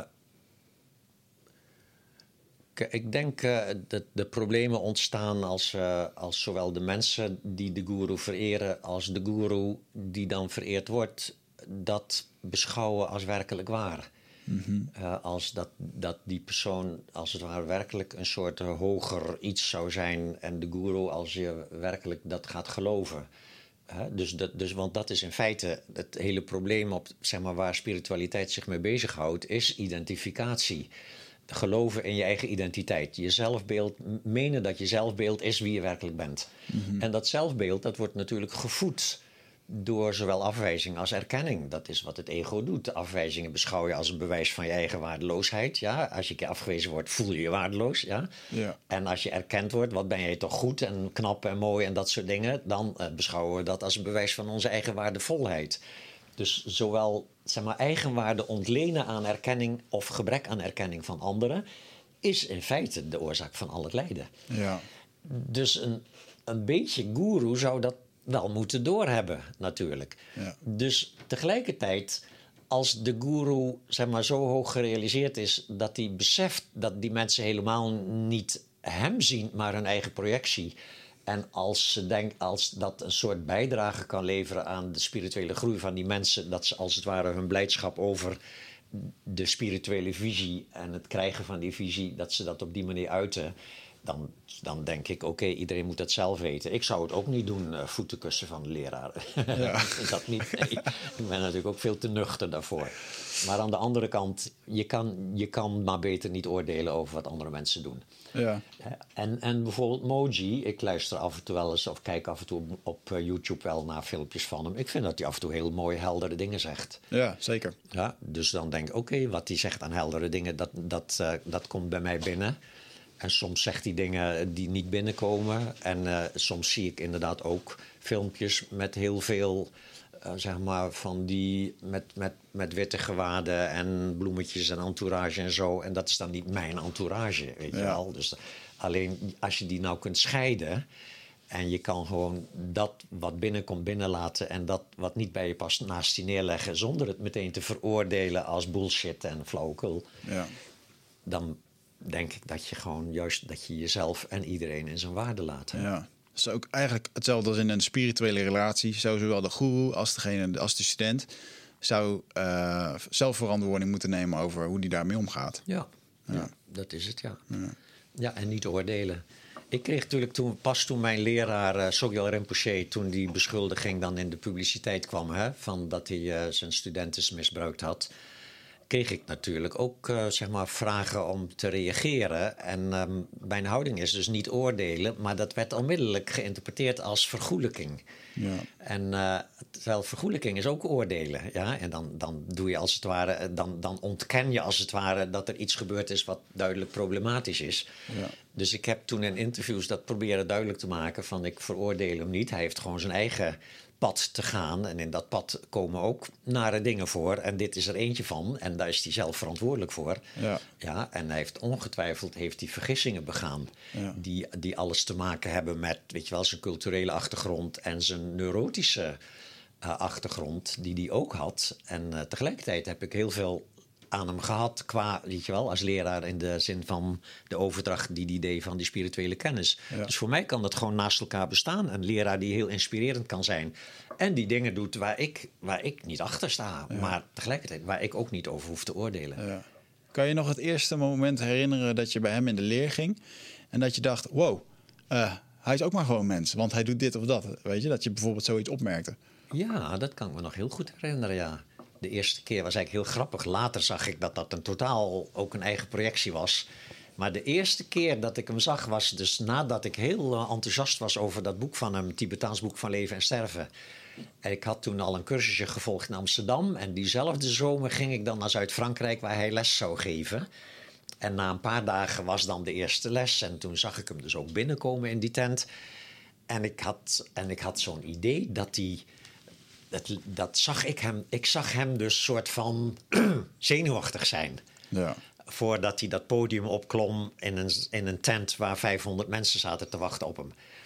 Achteraf zag ik natuurlijk, hij was totaal niet zenuwachtig. Hij was gewoon met heel iets anders bezig, wat dan ook. Maar ik zag die zenuwachtigheid en dat vertederde mij op dat moment. Ik zag iets menselijks. ja, mooi. Ja. Terwijl ik natuurlijk achteraf was dat helemaal niet wat hij was op dat moment. Dus het, het was mijn eigen projectie, die volgens mij dan weer vertederde en dat ik iets menselijks zag in hem. En natuurlijk veel later, met terugwerkende kracht, kon ik dat dan zien. Hè? Hoe dat werkt. Hoe, hoe wij dus altijd onze eigen projecties zien in anderen. Ja. We zijn, we zijn de beste verhalenvertellers aan onszelf. Ja. eigenlijk. ja. ja. Hey, eh, als het gaat over verhalen vertellen. eh, rechts achter jou staat een prachtig boek. eh, Wijzen naar de maan. Ik had je net al de complimenten gegeven. Wat een prachtige kaft en een mooie titel. Ja. Ehm, kan je ons een klein beetje toelichten waar dit boek over gaat? Ja, het boek gaat over wijzen naar de maan. En dat, dat is een, een, een, een mooie zeg maar, beeldspraak uit het boeddhisme. De Boeddha zelf gaf die al, 2500 jaar geleden. De Boeddha zei toen, alles wat ik hier vertel... kun je beschouwen als een vinger die naar de maan wijst. Het gaat niet om de vinger, maar om de maan. En de beeldspraak is nog iets, iets ruimer. Want hij zei in onze situatie, zeg maar van alle mensen op aarde is te vergelijken met dat je overal op aarde heb je emmers water en plasjes water en vijvertjes en meertjes en zo. En in al die stilstaande plasjes water is een weerspiegeling van de maan te zien. En al die weerspiegelingen zijn in feite een weerspiegeling van één en dezelfde maan. Dat voorbeeld staat dus voor alle mensen op aarde hebben zo'n sterk idee dat ze een individueel bewustzijn zijn. Ja, dus dat, dat hele sterke ik-gevoel. Ik ben iemand anders dan jij. Ja, is wat toch heel duidelijk. Iedereen heeft dat hele sterke gevoel. En dat ik-bewustzijn was volgens de Boeddha dus een afspiegeling van een soort oorspronkelijk ehm, soort van één soort bewustzijn. Dus één bewustzijn manifesteert zich in allemaal levensvormen, mensen, dieren, planten, in allemaal ogenschijnlijk af van elkaar afgescheiden bewustzijntjes. En de Boeddha legde dus uit dat eh, zijn leer erop gericht was om vanuit die individuele bewustzijntjes als het ware weer terug te kijken naar waar is dat dan een afspiegeling van? Waar zit dat ene individuele, dat zeg maar dat één, dat allesomvattende bewustzijn, waar mijn individuele bewustzijn een afspiegeling van is? Dus mensen kijken naar het maandje in hun eigen emmertje. Dat ben ik, weet je wel. En Ja. de Boeddha zegt: nee, dat is een afspiegeling van Naar boven. daar, weet je wel. Maar heel veel mensen gaan natuurlijk eerst... Oh, is dat, eh, is dat waar het om gaat, weet je wel? Nee, nee, dat. En dan ergens komt dan... huh, oh, ja, weet je wel. En dat is wat eh, in, in Dzogchen dus gewaarzijn genoemd wordt. En in Advaita heet dat inquiry. Hè? Dus gewoon zoek, de zoeker. Hè? Wie is op zoek naar zichzelf? Dat is precies dezelfde die je probeert te vinden. Ja. Dat, dat is de maan, als het ware. Terwijl het individuele zelf En, en dat is altijd een zelf met een naam en een lichaam en een levensverhaal en hoop en vrees. Dat, in, dat individuele bewustzijn is dus een, een soort van afspiegeling van, een soort illusoire weerkaatsing, als het ware, van dat ene oorspronkelijke bewustzijn. Wat dus zowel door jou en door mijn ogen nu, als het ware, de wereld inkijkt. Ja, wauw. En dit is een 2.0 versie van de vorige boeken die je hebt geschreven. Ja, dat, dat zou je kunnen zeggen. En de vorige boeken waren allemaal uitlegboeken. Dus gewoon uitleggen waar boeddhisme over gaat. En vooral waar dat Tibetaans boeddhisme over gaat. En vooral waar dan Dzogchen, dat onderdeel van Tibetaans boeddhisme, over gaat. Dzogchen is eigenlijk de, de Tibetaanse variant van wat in het Hindoestaans het Advaita is. Hè? Dus de non-duale essentie. En ehm, dat waren allemaal boeken om dat uit te leggen. En een, en een klein beetje, bijvoorbeeld het boek Vrij van Gedachten gaat ook wel een beetje over mijn ervaringen. Eh, met name dan met die spirituele leraar. Eh, maar eh, dit boek is eigenlijk vooral een boek waar verhalen in staan. Ja. En dat zijn voor een deel gewoon verzonnen verhalen, maar wel over spirituele ontwikkeling. Ja. En soms moeilijk herkenbaar ook. Want ik zag op een gegeven moment ook dat ik voordat ik in aanraking kwam met spiritualiteit, al dingen mee heb gemaakt in mijn leven die ik toen helemaal niet heb herkend. Als een soort vooraankondiging van spirituele groei, maar die je achteraf wel als zodanig kunt herkennen. Ja. Dus die verhalen heb ik ook opgeschreven, sommige in de vorm van een soort fictioneel verhaal. Andere gewoon als van toen en toen heb ik dat en dat en dat meegemaakt. En daartussen staan dan hele korte teksten die als het ware een soort hele compacte beschrijving zijn van spirituele inzichten en ervaringen. Ja, mooi. Dus het is meer een boek wat gericht is op ehm, het mensen helpen ervaren. Dan dat het zo gericht is op het snappen ervan. Daar Ja. zijn die andere boeken beter in. Dat je eerst snappen voordat je gaat oefenen. Dit boek is meer, als je dit leest, is, is veel directer, veel, veel ehm, indringender, denk ik. Ja, ik vond het wel grappig, want eh, eh, ik, eh, deze podcast is puur mijn eigen zelfhulptherapie. Inclusief de gasten. Drie jaar geleden, toen je hier was, toen eh, had ik net een relatie met Marieke. Vier, vier zeg het drie, drie of vier jaar geleden. Ja. En, ehm, en nu, nu hebben we een dochter.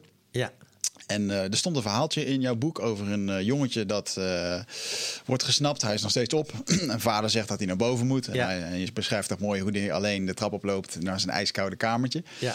Zo van, en beneden hoort hij het gezellige geluid. Het is niet gezellig. Hij voelt zich afgewezen. Terwijl papa waarschijnlijk gewoon denkt, ja, je moet gewoon naar bed. ja. En, en ik, ik- vanochtend hadden wij, mijn dochter is nu een, over een week wordt ze, wordt ze twee jaar oud.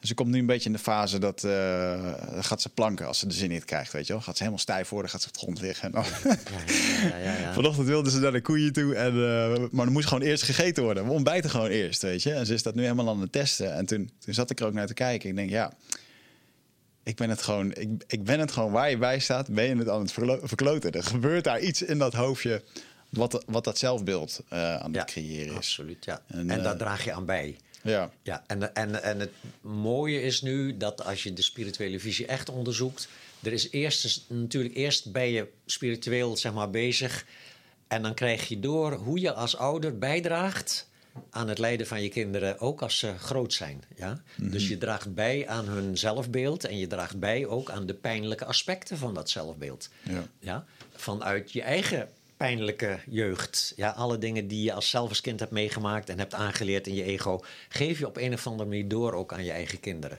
Ja. En in het begin krijg je, als je dat doorkrijgt, heb je de neiging om jezelf erover af te wijzen. En heel erg verkrampt te gaan proberen om te voorkomen dat jouw kind zich afgewezen gaat voelen. Schuldig. Maar dat krijg je heel gauw door, dat dat kind natuurlijk onmiddellijk daar misbruik van gaat maken. Want Ja. dan ga je in feite de nice guy spelen tegenover je kinderen. Nou, dat is funest, dan word je gewoon afgemaakt. Ja. En als ze nog iets ouder zijn, dan wordt dat nog wat erger. en, ehm, dus nee, je, je, je moet bijdragen aan het lijden van je kinderen. En als je ziet dat dat jouw taak is in deze wereld. Het is niet alleen maar kinderen krijgen en zorgen dat ze kleren hebben en een opleiding krijgen en een dak boven hun hoofd. Nee, je zorgt ook voor een ego waar het lijden al ingebakken zit. Dat is een soort van samsarisch corvée. Daar moet je gewoon aan bijdragen. Je kan niet niet eraan bijdragen. En als je probeert het niet te doen, maak je het erger. ja. Ja, dus als je dat nou ziet, als je ziet als ouders, draag je bij aan het toekomstige lijden van je kind. Ook voor een deel aan het toekomstige geluk van je kind. Ja, het is niet Ja. alleen maar kommer en kwel, maar je kan niet voorkomen. Hè, ouders willen alleen maar geluk Ja. voor hun kinderen. En, en als je dat te veel ook gelooft dat dat jouw taak is, dan creëer je heel veel extra ellende voor jezelf en je kind. Ja. Want dan leer je dat kind dat het alleen maar gelukkig mag zijn. En zodra het even ongelukkig is, dan ga je, ga je jezelf schuldig voelen. En soms verwijt je dan het kind ook nog eens dat het jou schuldig laat voelen. Ja. Ja. hele nare dingen. Dus je kan als ouders maar het beste gewoon aanvaarden dat je hier een soort, een soort voor een deel een nare taak hebt. Ja. Namelijk het lijden veroorzaken, van, het toekomstige lijden van je kind veroorzaken. Ja. Ja, en dat toekomstige lijden krijgt natuurlijk een functie binnen de spirituele visie. Dus als je eenmaal zelf die spirituele visie echt hebt eigen gemaakt, dan zie je ook dat het lijden wat je eventueel aan je kind meegeeft, waar het in de toekomst dus mee zal moeten dealen, tegelijkertijd de toegang is tot spirituele groei. Ja. Dus dan wordt lijden ook niet meer een soort verwerpelijke pech die je moet zien te voorkomen, kost wat kost in jezelf en in je kinderen. Ja. Dan wordt lijden wordt gewoon een onderdeel van spirituele groei. Je kunt lijden gaan waarderen zelfs. ja. Ja. En ehm, je noemde het al, hè, op het moment dat ze dan wat ouder worden, dan, eh, eh, dan draag je er ook nog aan bij. Ik heb zelf wel eens wat familieopstellingen gedaan. En eh, wat me overigens, wat mij heel goed heeft geholpen, ik weet niet of het dan voor de rest van de familie heeft eh, geholpen. Eh, is dat iets waar je bekend mee bent en, en support je die, dat gedachtegoed? Ik, eh, ik ken er niet zoveel van. Ik heb erover gelezen, uiteraard. Ik vind het, ik vind het heel mooi en een, en een beetje geheimzinnig. Hè? Van Is hoe kan ook, dat ja. nou werken? Hè? Ja. Dat je mensen op een bepaalde plek zet en dat, en dat dan toch een soort energetisch soort wisselwerking ontstaat. Maar ik vind het wel prachtig. Ik heb nog steeds ergens in mijn achterhoofd van... Jan, je moet dat een keer gaan doen. Ja. Gewoon, alleen komt er telkens niet van. Ja, ja. Heb jij zelf in de opvoeding, eh, want je hebt zelf ook één zoon, hè? Of niet? Of heb je meerdere? Ik heb twee zonen en twee dochters. Ah, twee, oké. ja. En eh, als je nu terugkijkt op het, eh, op het vaderschap, waar heb je het heel goed in gedaan en waar heb je het niet goed in gedaan voor jezelf? Nou, ik heb. Eh, ik heb natuurlijk. Ik was toen, ik, toen mijn kinderen klein waren, was ik zelf eh, totaal nog niet ontwikkeld. Nog psychologisch ontwikkeld, nog spiritueel. Dus ik was best wel een tamelijk gevoelsgedissocieerde soort van vader. Nice guy ook. Dus een nice guy uitte zich erin dat ik nooit tegen mijn kinderen zei... dat moet omdat ik het zeg, omdat ik het wil. Mijn vader was autoritair. Ik wou dus vooral niet autoritair zijn. Maar op, onder de oppervlakte vond ik wel dat ik wist, het beste wist hoe zij zich moesten gedragen. En daar moesten ze dan wel gehoorzamen ook. Dus Ja. bij ons thuis werd er heel veel beredeneerd. En met logica probeerde ik hun dan klem te zetten. Zodat ze toch zouden doen wat ik, wat ik het beste vond. Ah, oké. En eh, daarnaast was ik in die tijd ook verslaafd en zo. En, en emotioneel moeilijk te bereiken, denk ik. Dus dat zijn er wel dingen waar ze ook natuurlijk... Ik kan wel zien waar, zeg maar... Mijn bijdrage aan hun huidige zeg maar, ego, Ja. hoe, dat on- hoe dat gebeurd is. Ik heb nu zelf de, zeg maar, een beetje de luxe omstandigheid dat ik ze nu een klein beetje kan helpen met de narigheid die Ja. ik zelf 20 jaar geleden, 30 jaar geleden veroorzaakt heb Ja. bij hun. En natuurlijk, mijn toenmalige partner was ook, ook niet eh, helemaal eh, zeg maar verlicht. En, eh, dus we hebben samen hebben we ook wat bijgedragen aan, het, aan de neuroses van onze kinderen. Maar, Ja. maar tegelijkertijd, ze zijn allemaal best wel goed terechtgekomen. En het zijn eigenlijk mijn beste vrienden Ja, op dit mooi. moment. Ja. Ja, dus we komen voor relatieadvies bij jou. Eh, ik weet niet voor. Oh ja, ja, ja, dat wel. Ja, ja, zeker. Mijn oudste zoon is helemaal niet spiritueel bezig. Behalve als hij in een relatiecrisis zit. Dan, komt, dan belt hij en dan leg ik hem alles uit nog een keer. En dan merk, merk, ja, dan merk ik wel dat hij daar wel een zekere troost aan ontleent. Ja. Maar als het dan weer voorbij is, dan is het ook wel weer voorbij. Dan is Ja. hij weer gewoon helemaal eh, zeg maar, met zijn leuke bezigheden bezig. Eh, herken je dit ook dat een, eh, het lijkt wel een soort van natuurlijk iets dat kinderen zich een beetje tegen hetgene gaan werpen waar de ouders zich mee bezighouden. Dus jij bent eh, spiritueel bezig. En is er dan een soort van automatisch. eh, wat je net zei, jouw vader Ja. was heel autoritair. En Ja, jij wilde ja. niet. Is dat een soort van. Ik eh, denk dat kinderen zich afzetten tegen hun ouders, dat dat heel gezond is. Hè? Ik bedoel, dat zie je sowieso in die leeftijd vanaf twee tot vier, vijf jaar. Dat kinderen heel erg in de nee-periode zitten en heel erg, weet je wel, een soort van in gevecht aangaan tegen dat gezag en zo. Hè? Ja. Dus dat hoort er allemaal bij, denk ik. En als je daar dan als ouders een beetje vriendelijk mee kunt omgaan, dan natuurlijk dan. eh, Hè, dus er is wel een verschil tussen de mate van neurose wat je als ouders aan je kinderen meegeeft. Eh, als je wat vriendelijker bent voor jezelf, ben je ook wat vriendelijker voor je kinderen. Dat, hè, dus dat, ik denk wel dat ouders een verschil kunnen maken voor hun kinderen. Ja. Maar niet in de zin van dat ze kunnen voorkomen dat een kind een ego aanleert. Dat kan niet. En dat ze kunnen voorkomen dat het kind ook zeg maar, zelfafwijzende aspecten heeft in zijn zelfbeeld. Dat kan je niet voorkomen. Maar het maakt natuurlijk heel wat uit of je als ouders zelf de hele dag bang loopt te zijn, of de hele dag alles onder controle loopt te houden en heel erg afwijzend bent tegen je kinderen, of je bent als ouders enig, enigszins goed in je vel en je kan uh, conflicten met je kinderen kan je hebben zonder hun al te veel te veroordelen en zo. Dat maakt een groot verschil natuurlijk. Dus uh, het verschil zit hem niet in dat dat het ene kind dan spiritueler zou zijn dan het andere, maar het zou een stabieler ego kunnen hebben. Dus als we het ego definiëren als het vermogen van een mens om op een zinvolle manier liefde en erkenning van anderen te krijgen om zijn eigen zelfafwijzing toe te dekken. Sommige mensen slagen daar heel goed in. Dat zijn de stabiele, gezonde ego's. Andere mensen slagen daar minder in, zijn banger om relaties aan te gaan, hechten zich op een op een onveilige manier aan mensen. Uh, hebben veel verwijt en veel veroordelingen naar hun omgeving. Uh, voelen vaak angst, weet je wel. Dat mm -hmm. komt natuurlijk ook uit de omgang met de ouders en andere opvoeders. Dus, dus het is niet zo dat het allemaal niks uitmaakt wat je doet als ouders. Het enige wat ik zeg is, je kan niet voorkomen dat kinderen een zelfbeeld aanleren waarin ook zelfafwijzing zit. Ja. Zit jij uh, vaak in je hoofd uh, neem je heel veel informatie tot je video's, podcasts, boeken. Uh, nou, voel je niet schuldig, dat doen heel veel mensen natuurlijk. Hè, maar vaak zijn we op zoek naar antwoorden. Um, gaan we nog meer informatie tot ons nemen. Terwijl ja, de antwoorden liggen toch echt in onszelf. En dat is iets wat we voelen met ons lichaam. Maar vaak zijn we zo erg in ons hoofd bezig ja, dat we dat ook niet meer, dat we daar niet meer echt goed bij kunnen. En dat is graag waar ik je voor uit wil nodigen. Voor Rite of Passage. 24, 25 en 26 mei is er weer een nieuwe editie voor mijn retreat voor persoonlijke ontwikkeling. Waarbij het thema echt is om uit het hoofd te komen in dat lichaam. Want dat is waar je alles ervaart. En ik wil dat je gewoon weer in contact komt met, met die, die intuïtie. Um, en dan gewoon een heel sterk uh, innerlijk kompas. Dat je gewoon weer weet waar je naartoe moet, wat je te doen staat. En dat je gewoon weer helderheid hebt over wat je wilt en hoe dat je dat gaat doen. En dat doen we middels uh, bio-energetische oefeningen, dynamische meditaties, een stuk shamanisme zit erin. Het enige wat er bekend is van het programma is dat er een zweethut in zit. Uh, en natuurlijk gewoon hands-on persoonlijk leiderschap. Uh, dit retreat krijgt een 9,2 gemiddelde van meer dan 331 deelnemers. Daar ben ik ontzettend trots op. Sterker nog, er is ook een money back guarantee. Vind je niks na drie dagen, krijg je gewoon je geld terug.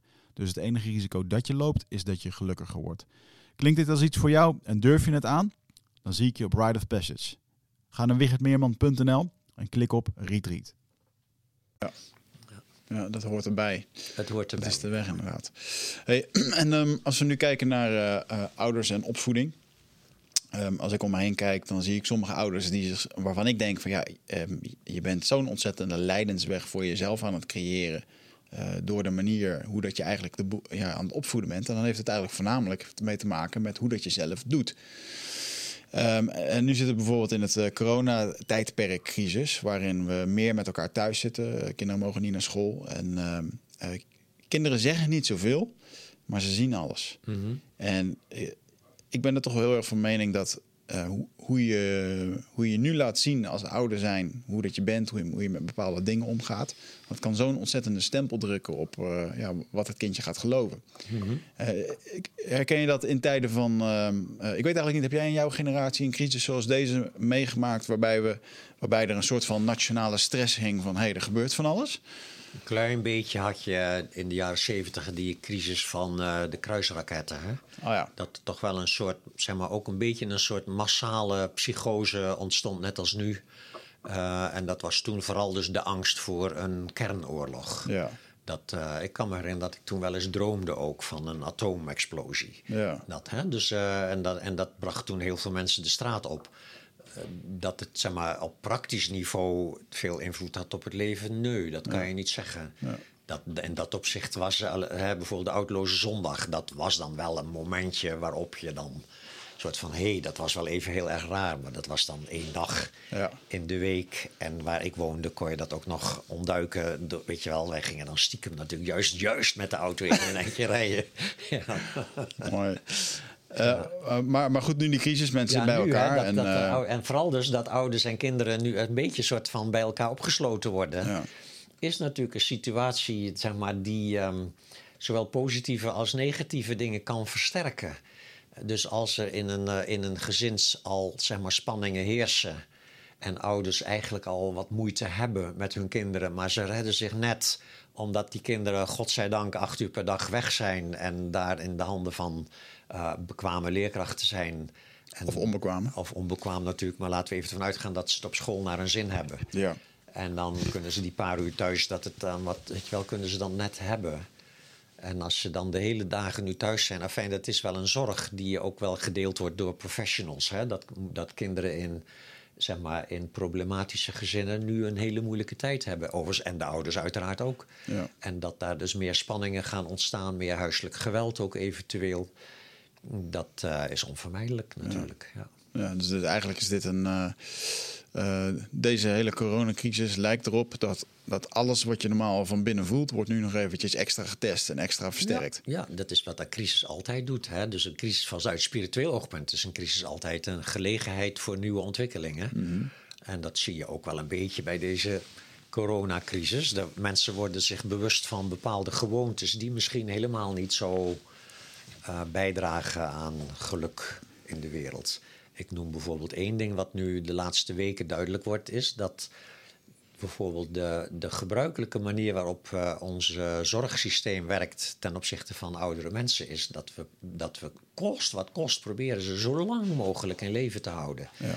Vaak ten koste van een enorme groot deel van de kwaliteit van hun leven. Dus oudere mensen die echt gewoon van de ene dokter naar de andere lopen, loodzware medicatie hebben, verschrikkelijk eh, ingrijpende operaties ondergaan om dat moment van sterven nog maar een half jaar of een jaar of hopelijk misschien een paar jaar voor zich uit te schuiven.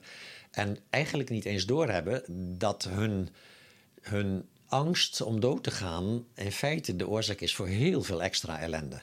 Ja. En nu dus die, die, dat hele, zeg maar, de, de intensive care problematiek, die, die zeg maar heel erg op de voorgrond komt te staan, alsof dat het eigenlijke probleem is. We kunnen straks niet al die oude mensen meer in leven houden. Dat nu, van de week zag ik voor het eerst een medisch specialist, geriater, iemand is die met oudere mensen werkt, zeggen van misschien moeten we wel wat meer gaan nadenken over, over wat is belangrijker, een kwalitatief goed levenseinde of zo lang mogelijk uitstellen. Ja. Ja, nu, dat is natuurlijk vanuit de spirituele visie, is dat gewoon gesneden koek. Dat hele idee dat je moet proberen zo lang mogelijk te leven, dat is het ego. En voor het ego is doodgaan een soort einde verhaal. Weet Ja. je wel, een soort van dat moet je kost wat kost zo lang mogelijk voorkomen. Want als dat eenmaal gebeurt, dan ben je niks meer of zo. Ja. Terwijl natuurlijk vanuit de spirituele visie eh, duidelijk is dat we gewoon in feite niks weten over wat dood zijn eigenlijk is. En erkennen dat je niks weet is een, eh, is een spiritueel soort van vooruitgang ten opzichte van geloven dat bepaalde opvattingen die je hebt de waarheid zijn. Ja. Ja, dus dat zou een, een ontwikkeling kunnen zijn waarbij mensen wat meer gaan, zich gaan richten op een kwalitatief goed levenseindeperiode in plaats van het zo lang mogelijk rekken van het zo lang mogelijk voor je uitschuiven. Ja. En dat zou indirect mensen in contact kunnen brengen met een spirituele visie over wat doodgaan en dood zijn dan eigenlijk is. En dat is een hele andere visie dan wat in onze zeg maar, wetenschappelijk georiënteerde samenleving eh, zeg maar de, de boventoon voert. De heersende opvatting in onze cultuur is dat dood is iets wat je zo lang mogelijk moet uitstellen. Ja. Ja. Ja, ik werd er laatst even zelf aan blootgesteld, ehm, eh, indirect, omdat mijn tante, die eh, is een paar weken geleden overleden aan kanker na een, eh, een ziektebed van vijf jaar. En die kreeg op een gegeven moment te horen, nou, je hebt nog gewoon maximaal zoveel maanden. En ehm, ehm, ja, overleden. En toen, die heeft inderdaad mijn moeder verteld van, ja, dat, ze, dat ze eigenlijk al vrede mee had. En dat vond ik wel heel bijzonder. Ja, dat is toch wel, als je dan, Ja. ja. als je helemaal weet dat het komt, dan moet je het wel accepteren. Ik weet niet of er wel is. Ja, misschien zijn er ook wel mensen die, die het gewoon echt niet willen accepteren. Mm, Die zijn er ook, ja. Maar ehm, Ja, ik denk inderdaad dat moment waarop duidelijk is dat, er, dat die neiging die we dus allemaal hebben vanuit onze cultuur en ook vanuit het ego zelf, van zo lang mogelijk proberen te rekken, op het moment dat de arts zegt, nou hebben we alles geprobeerd, er is niks meer, weet je wel. Je hebt nog een paar maanden en that's it, weet je wel. Dat voor sommige mensen er een soort rust neerdaalt. Een soort van, oké, dan kan ik dus nu gewoon ontspannen. Ja. Er valt niks meer te redden, ja, dat soort dingen. Dat kan voor sommige mensen een bevrijding zijn. En dat zijn dan ook de mensen die, als je die die laatste maanden meemaakt, die dan ineens heel inspirerend worden voor hun omgeving. Ja. Ik heb die ook meegemaakt. Ik heb daar ook in dat boek over geschreven. Hè? Mijn ervaring op een, in een hospice. Hè? Mhm. Een tijdje vrijwilligerswerk gedaan. En daar zie je dus ook dat mensen, sommige mensen dus op zo'n inspirerende manier hun laatste maanden doorbrengen. En andere mensen brengen die laatste maanden door zoals ze ook de rest van hun leven doorgebracht hebben, namelijk weglopen van zichzelf. Ja. dus sommige mensen waren de hele dag tv aan het kijken. En eh, aan het eten, voor zover, weet je, want ze hoeven, je dan, ze hoefden geen rekening meer te houden met hun lijn en dat soort dingen. Wow. Dus dat was alleen maar snoepen en eten de hele dag en tv kijken. Ja. En vooral niet nadenken over en ook niet praten over, weet je wel, wat er mogelijk zou kunnen gaan gebeuren als je doodgaat en zo. Ja. Dus en dat is echt, iedereen mag natuurlijk sterven zoals hij geleefd heeft. Ja. Maar je ziet dus daar het verschil. Voor sommige mensen ontstaat ineens die ruimte naar aanvaarding, naar overgeven aan, aan wat is werkelijk. Werkelijkheid is, je gaat dood. Weet je Ja. wel? Allemaal, wij allemaal. Je weet alleen niet wanneer. Ja, maar waarom dat ontkennen? Ja. dat is natuurlijk een ego wil gewoon ontkennen. Ja. Ja, dus jij, jij zegt, in- denk jij dan ook dat, eh, word jij dan zelf ook niet helemaal gek van de, de ik weet niet of je überhaupt het nieuws een beetje volgt, Eh, of dat je de cijfers voorbij ziet komen, dan wordt er weer gezegd, oké, er zijn zoveel mensen vandaag overleden, maar er is helemaal niet duidelijk hoeveel mensen dat er sowieso wel zouden overlijden, of wat er normaal per dag in Nederland sterft. En, Ja. eh, het lijkt bijna wel dat als ik naar het nieuws kijk nu, en ik ook, ook open nu gewoon een willekeurige pagina, nu.nl, dan kijk ik ernaar en, en dan, dan doet het iets met mijn energie. Ja, ja, ja, ja, ja. ja nee, dat heb ik ook herkend. Eh, ik, ik kijk inderdaad ook naar het journaal en ik lees de krant.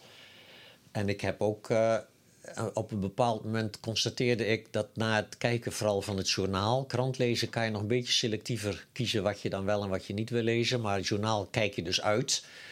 En daar zit inderdaad die sfeer en die, beetje die, die rampverslaggevingssfeer zit daarin. Hè? Ja. De verslaggever staat dan buiten voor het ziekenhuis en, weet je wel, en eh, weer zoveel meer doden en dat soort dingen.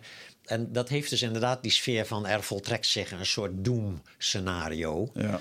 En daar kun je dus door gepakt worden. Ik, het, het viel mij op ook dat, hoewel ik zelf daar een hele andere kijk op heb en heel, heel, heel laconiek daarover ben, eh, kon ik toch na het kijken van zo'n journaaluitzending, kon ik ook dat gevoel herkennen van een soort bevangen worden door een soort somberheid en een soort dreiging. Ja. En dan natuurlijk door de spirituele beoefening is er tegelijkertijd iets wat daarna kijkt en zegt van hé, hey, ik voel nou angst en dreiging. Hoe kan dat nou, weet je wel? Dat is dus een soort van besmettelijkheid van de angst voor besmetting. Ja. Ja, die angst is het meest besmettelijke wat er is. Hè? Zodra je in contact bent met mensen. Ik was laatst, eh, ik ben aan het klussen thuis en ik had ineens hout nodig. Ik ben dat gaan halen in een houtfirma bij mij in de buurt. Even gebeld van tevoren, van kan je dat en dat klaarzetten en zo. Was allemaal in orde. En ik kwam daar in zo'n loods. En daar stonden nog iets van 10, 15 andere mensen te wachten op het afhalen van hun bestelling. En daar, heerst, daar hing dus ook een beetje zo'n Ja. dreigende sfeer van kom niet te dichtbij. En wie is er aan de beurt? En dat soort dingen. En met zo'n gevoel van zo snel mogelijk hier wegkomen, weet je Ja. wel. Hier heerst de dood of zo, weet je wel. Ja, dat. En dat is dus een soort van massahysterie. Ja. Waar je dan, hoe nuchter je zelf ook bent, je kan dat niet helemaal niet voelen. Je kan alleen als spirituele beoefenaar, kan je op het moment dat je het voelt, kan je het tegelijkertijd herkennen met een soort van, jeetje, wat werkt dit Ja. sterk, weet je wel? Wat is de geest toch besmettelijk voor wat andere geesten om hem heen denken en voelen? Ja. En als je dat dan eenmaal ziet, dan kan je natuurlijk jezelf ook weer bevrijden van de beknelling daarvan. Dan herken je het gewoon als, oh, het is mijn ego-mind die hier meedoet met een soort angstgolf. Ja. Ik vind het zelf fascinerend over wat je net ook eh, zei. En dat in het ziekenhuis, dat dan, eh, eh, of in een hospice, dan een keer krijgt iemand het nieuws van zo'n meneer in een witte jas. Want die heeft de kennis en de status. En, en dan eigenlijk het advies wat die man geeft. Joh, je hebt nog een half jaar te leven. Ik heb dat onlangs ook teruggelezen in een aantal boeken. Waarin letterlijk werd ook gemeten als men zei van... joh, Jan, je hebt nog een half jaar. Over een half jaar dan viel je gewoon neer. Alsof je er zelf helemaal naartoe werkt. En eh, eh, daar zit ook een soort van placebo-effect achter. Van oké, de wijze dokter geeft nu aan, eh, ik heb nog zo lang te leven. En het lijkt nu ook wel met een, met een minister-president die daar dan het volk toespreekt. Iedereen kijkt ernaar. En, en het beangstigt me ook wel wel ergens een beetje. Hoe, ja, dan zien we toch eigenlijk wel wat voor schapen dat we als bevolking kunnen zijn. Door ja en amen te zeggen. En, en, en nog erger om, om samen met z'n allen daarover te gaan kletsen en onze eigen versies ervan te maken. En ja, dan merk je inderdaad dat eh, eh, dan hangt er gewoon een, eh, een gifvolk van angst door Nederland. Mhm. Ja, dus dat is de coronacrisis is in de eerste plaats een angstcrisis, denk ik. Hè? Een, soort, een soort collectieve een soort angst. Maar ja, tegelijkertijd, nogmaals, ik vind, het, ik vind het ook prachtig wat er gebeurt. Ik heb, ik heb dus daar niet echt een oordeel over. Ik vind op zich de maatregelen die nu getroffen worden begrijpelijk. Ik weet niet of ik, het, eh, of, ik, zeg maar, of ik het helemaal rationeel vind. Voor een deel is het natuurlijk toch ook politiek. Eh, maar dan vind ik toch dat onze regering zich in verhouding tot wat er in andere landen om ons heen gebeurt, zich nog steeds redelijk terughoudend terugstelt. En in dat opzicht vind ik onze minister-president eigenlijk toch wel echt een voorbeeld van iemand die gewoon blijft doen. En die gewoon die, die basiswaarden van onze democratische samenleving zo lang mogelijk probeert te respecteren. Ja. En zo lang mogelijk probeert om op mensen hun eigen verantwoordelijkheid te wijzen. Ja. Dus ik vind, ik vind dat eigenlijk wel goed. Het, het, het hele probleem ontstaat natuurlijk door de dreigende sfeer die daardoor ontstaat. En die mensen dan als, als beschouwen als een persoonlijke dreiging. Ja. Wat we hier zien is natuurlijk een, een, een, ehm, een onwetendheid over wat statistiek nou eigenlijk is. En als je kijkt naar de kans die elk individu in Nederland heeft om dood te gaan aan corona, die is aanzienlijk kleiner dan de kans die je loopt om dood te gaan door een auto-ongeluk. Eh, maar dat laatste is volledig al zeg maar, geïntegreerd in ons bewustzijn. Wij rijden gewoon van A naar B, wetende weliswaar dat dat fout kan lopen, maar het zal mij niet overkomen. Ja, dus daar voelen we ons redelijk veilig in. En dit is het verschil tussen statistiek op individueel niveau en statistiek op niveau van grote aantallen. Dus voor het individu is op elk moment de kans dat je zeg maar doodgaat aan corona, stel is bijvoorbeeld 1 op de 100.000, is echt een hele lage kans. Maar voor 17 miljoen mensen is 1 op de 100.000 is 170.000. Ja. Ja? Dus de overheid zegt, wij willen niet binnen een paar weken 170.000 doden hebben. Want dat kan ons systeem niet aan. Ja. Dus het is een hele wijze beslissing, denk ik, om hè, de mensen dan wat meer afstand te laten houden. Om te voorkomen dat die bulk als het ware ineens zich Ja. manifesteert. Tegelijkertijd gaan we daarin misschien wel iets te ver.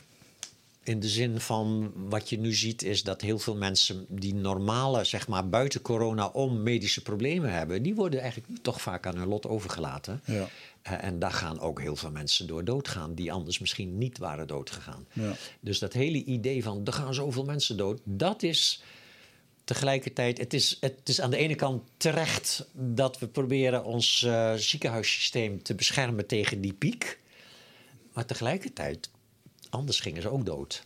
Het is, als een, als, ja, het is een beetje cru om te zeggen, maar het is een soort van. eh, wij proberen die inderdaad de dood uit te stellen. Maar eigenlijk wordt de natuurlijke selectie nu gewoon eventjes in zijn versnelling gezet. Ja. En eh, Nou, dat zou je kunnen zeggen, ja. En je zou, zonder cynisch te worden, zou je kunnen zeggen... het zal een deel van het pensioenprobleem op, op kunnen lossen. Je wel, dat het pensioengat en de vergrijzing. En, maar ik zie het dan vooral toch op het gebied van zeg maar, het individuele geluk van mensen. Dat zou hierdoor kunnen toenemen als mensen gaan zien dat je gelukkiger bent... als je niet kost wat kost je leven zo lang mogelijk probeert te rekken. ja. En je als het ware wat meer gaat verdiepen in wat is nou eigenlijk doodgaan en wat is eh, dood zijn nou eigenlijk precies? Hoe kun je dat onderzoeken? Ja. En, dat, en dat leidt natuurlijk weer terug naar het belangrijkste spirituele beoefening. En dat is onderzoek nou eens eigenlijk wie je werkelijk bent. Ben je eigenlijk dit lichaam?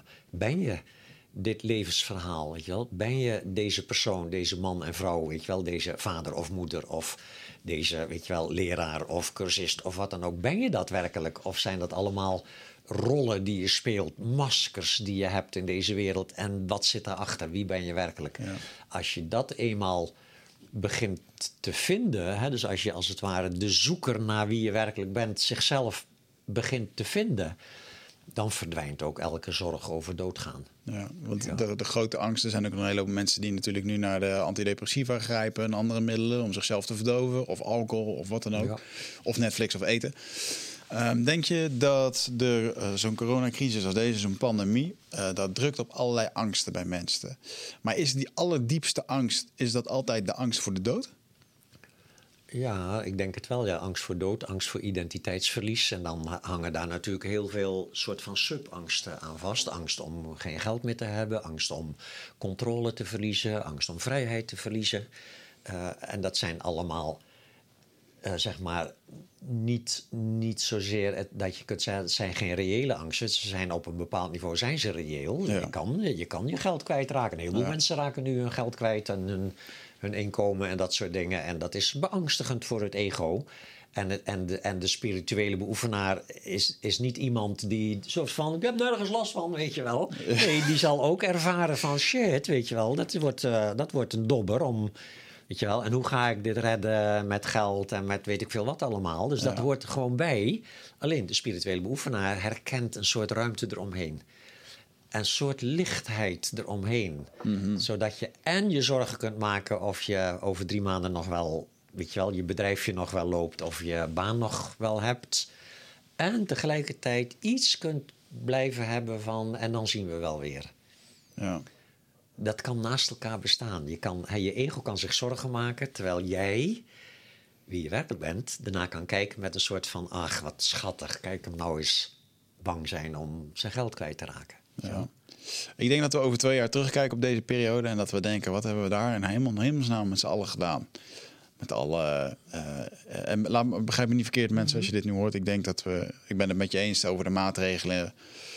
Ehm, iedereen onderneemt actie, dus het zou gek zijn als Nederland niet doet. Dus er zit ook een hoop politiek eh, Ja. stuk achter. Ik ben het ook Ja. met je eens dat het zou, het zou heel onverstandig zijn om in één keer zo'n piek van doden te hebben in Nederland. En, maar ik denk wel dat we over twee jaar terugkijken en dat we hier een hele hoop van leren. En dat we denken van ja, dit was echt eh, een hele hoop daarvan was niet nodig en was massa-hysterie. Ja, dat zou kunnen. Dat zou dan op zich al een heel mooi resultaat zijn natuurlijk. Ja, ja. Sommige Ja. mensen praten ook wel van een soort eh, omslag van bewustzijn wereldwijd. Er zijn ook heel veel theorieën over waarom het coronavirus er is. Sommigen zeggen het is een natuurlijk virus, sommigen zeggen het is bewust gedaan. Eh, sommigen zeggen dat het. eh, eh, er zijn allerlei theorieën over te, Ja. over te bedenken. Ik zal er verder niet in detail op ingaan nu. Maar ehm, denk jij dat er een soort. Ja, hoe zou je dat zeggen? Een soort bewustzijnsomslag gecreëerd wordt door de natuur? Door dit soort dingen? Nou, als je dan de natuur bedoelt, alsof daar een soort bewust soort iets als het ware denkt van oké, die mensen maken het nou al erg bond, we gaan ze even een virusje geven, zodat ze even weer wat in, inbinden. Eh, dat, eh, daar heb ik helemaal geen last van, van dat soort verhalen. Dat, Nee. dat er als het ware een soort van een bewust soort sturend soort persoonlijkheid zou zijn. Net zo min als er een soort persoonlijk sturende god zou zijn Ja. die dit zou doen. En de natuur of Gaia, dat zijn natuurlijk allemaal projecties Ja. van identiteiten. Hè? Dus dat is wat het ego doet. Het ego kent een identiteit toe aan dingen die het niet begrijpt. Eh, tegelijkertijd ben ik niet degene die het wel begrijpt. Alleen ik kan Nee. wat beter leven met het niet begrijpen ervan. Ja. Hoe die processen werken. En in het boeddhisme hebben ze daar prachtige soort van oplossingen voor. Zeggen van alle processen zijn het resultaat van interdependence, hè, van onderling op elkaar inwerkende ontelbare factoren. Ja. Zo die vlinder in New York die bijdraagt aan een, or- een orkaan in India. Ja. Weet je wel? En dat soort dingen, dat is dan een beetje overdreven. Maar wel dus dat alle gebeurtenissen werken op een of andere manier op elkaar in. En soms resulteert dat dan Ja. in een crisis daar of in een oorlog daar. En dan, weet je wel, en dat, die ellende levert dan altijd ook weer een, een soort van groei van bewustzijn op. Totdat er weer nieuwe ellende nodig is om weer opnieuw, zeg maar. Dus ellende en groei van bewustzijn hebben een relatie met elkaar. Ja. Je weet alleen nooit eh, hoeveel ellende er nodig is voor een bepaalde groei van bewustzijn. Je zag bijvoorbeeld na de Tweede Wereldoorlog, dat was dus qua ellende nog wel een graadje of wat erger dan wat we nu meemaken. Licht zag je een behoorlijke opleving van een soort besef dat we eigenlijk allemaal gelijk zijn. Hè? Ja. Dus toen zijn ook die individuele, nee, de universele rechten van de mens geformuleerd. Dat heel veel naties zich er nog niet aan houden, is natuurlijk duidelijk. Maar ze zijn er wel al. Ja. Daarvoor waren ze er niet. Daarvoor kon je echt menen dat je als Nederlander beter was dan je Belgische en Duitse buren. Ja, dus dat is al een beetje. Dan zie je heel langzaam, weet je wel. En dan na zo'n crisis ontstaat er iets van. Dus na deze crisis zal er misschien ook weer iets van een soort van ruimer bewustzijn zijn. Misschien ten aanzien van dat verlengen van je leven, kost wat kost. Of misschien ten aanzien van internationale samenwerking. Wat nu tel, hè, want iedereen ziet natuurlijk ook wel dat elk land nu probeert zijn eigen problemen op te lossen. En Ja. dat daar ook nadelen aan zitten. En enfin, er zijn allerlei ontwikkelingen gaande. En, en welke kant het op gaat. Ik bedoel, crisis heeft altijd effect, zowel naar zeg maar, het ontwikkelen van positief bewustzijn, maar ook naar het ontwikkelen van meer ellende. Dus ellende creëert meer ellende. Hè? Dus dat is Ja. afhankelijk van de manier waarop je met ellende dealt. Zo zie je bijvoorbeeld in Hongarije zie je dat zeg maar, die totalitaire eh, machthebbers daar, eh, Orbán heet die man geloof ik, die gebruikt dit natuurlijk om even nog wat steviger zijn dictatorschap te vestigen. Ja. Nu, dat is dus in zekere zin een negatieve ontwikkeling. Maar elke negatieve ontwikkeling levert de ellende op. Die bijdraagt aan de groei van het bewustzijn van die negatieve ontwikkeling. Ja. Dus je ziet nu ook in Hongarije al en ook in heel Europa... zie je het bewustzijn toenemen dat daar dingen gebeuren die niet kunnen. Ja. Die, die zeg maar in strijd zijn met onze opvattingen over hoe een maatschappij zoveel mogelijk geluk creëert en zo min mogelijk lijden voor zijn eh, deelnemers. Ja. Dus, dus ik, eh, ik zie alleen maar gewoon mooie dingen gebeuren. Mooi. Het mooie als je lijden niet meer verwerpt als een soort van domme pech of slechtheid, maar je ziet lijden zowel als het symptoom van ehm, zeg maar versluiering van de geest, als tegelijkertijd het middel om die versluiering bewust te worden. Dan kan je niet meer echt boos zijn op lijden. Ja. Snap je? Dan kun je op, op, op, zeg maar, op menselijk niveau natuurlijk... doe je je best om zo min mogelijk lijden te veroorzaken... en mensen die lijden waar je mogelijkheden hebt... eventueel te helpen ook om hun lijden te verlichten. Dus dat blijft wel. En tegelijkertijd krijg je respect voor lijden. In plaats van dat idee wat toch de meeste mensen hebben van...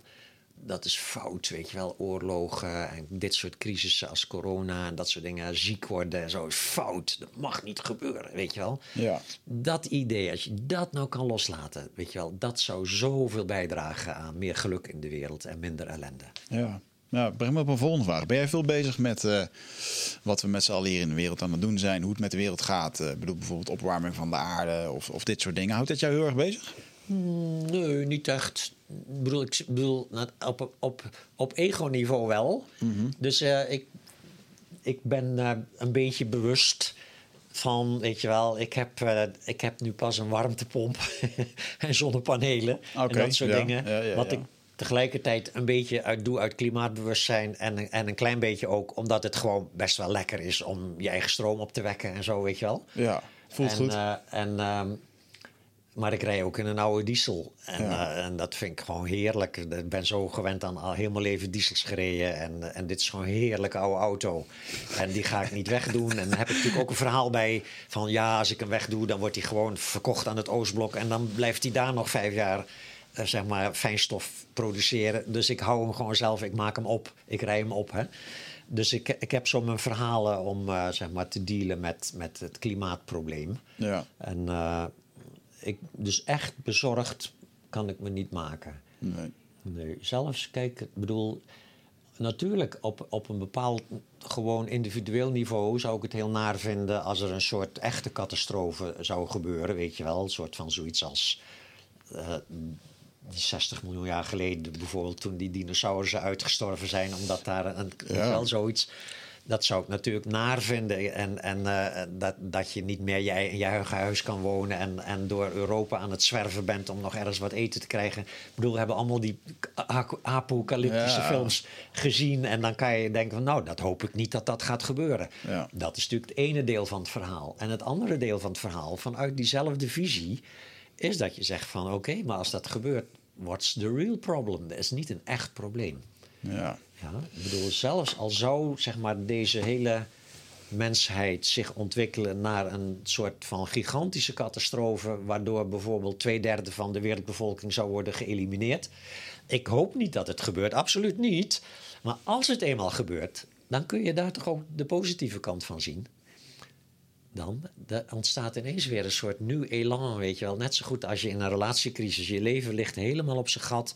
Weet je wel, je bent wanhopig, weet je wel, alles is mislukt. Eh, je vrouw loopt bij je weg, weet je wel. Je kinderen willen je niet meer zien. Je verliest je baan, weet je wel. Totale ellende, burn-out, Corona. psychische problemen, weet je wel.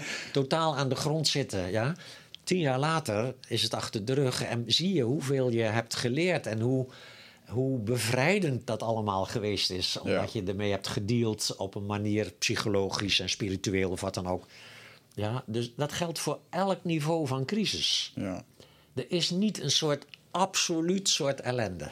Ja, ja. Ellende is altijd iets wat ontstaat in de manier van kijken naar de werkelijkheid. Ja. Is dat ook meteen de tip die je zou geven aan mensen die nu thuis zitten en echt moeite hebben met deze situatie?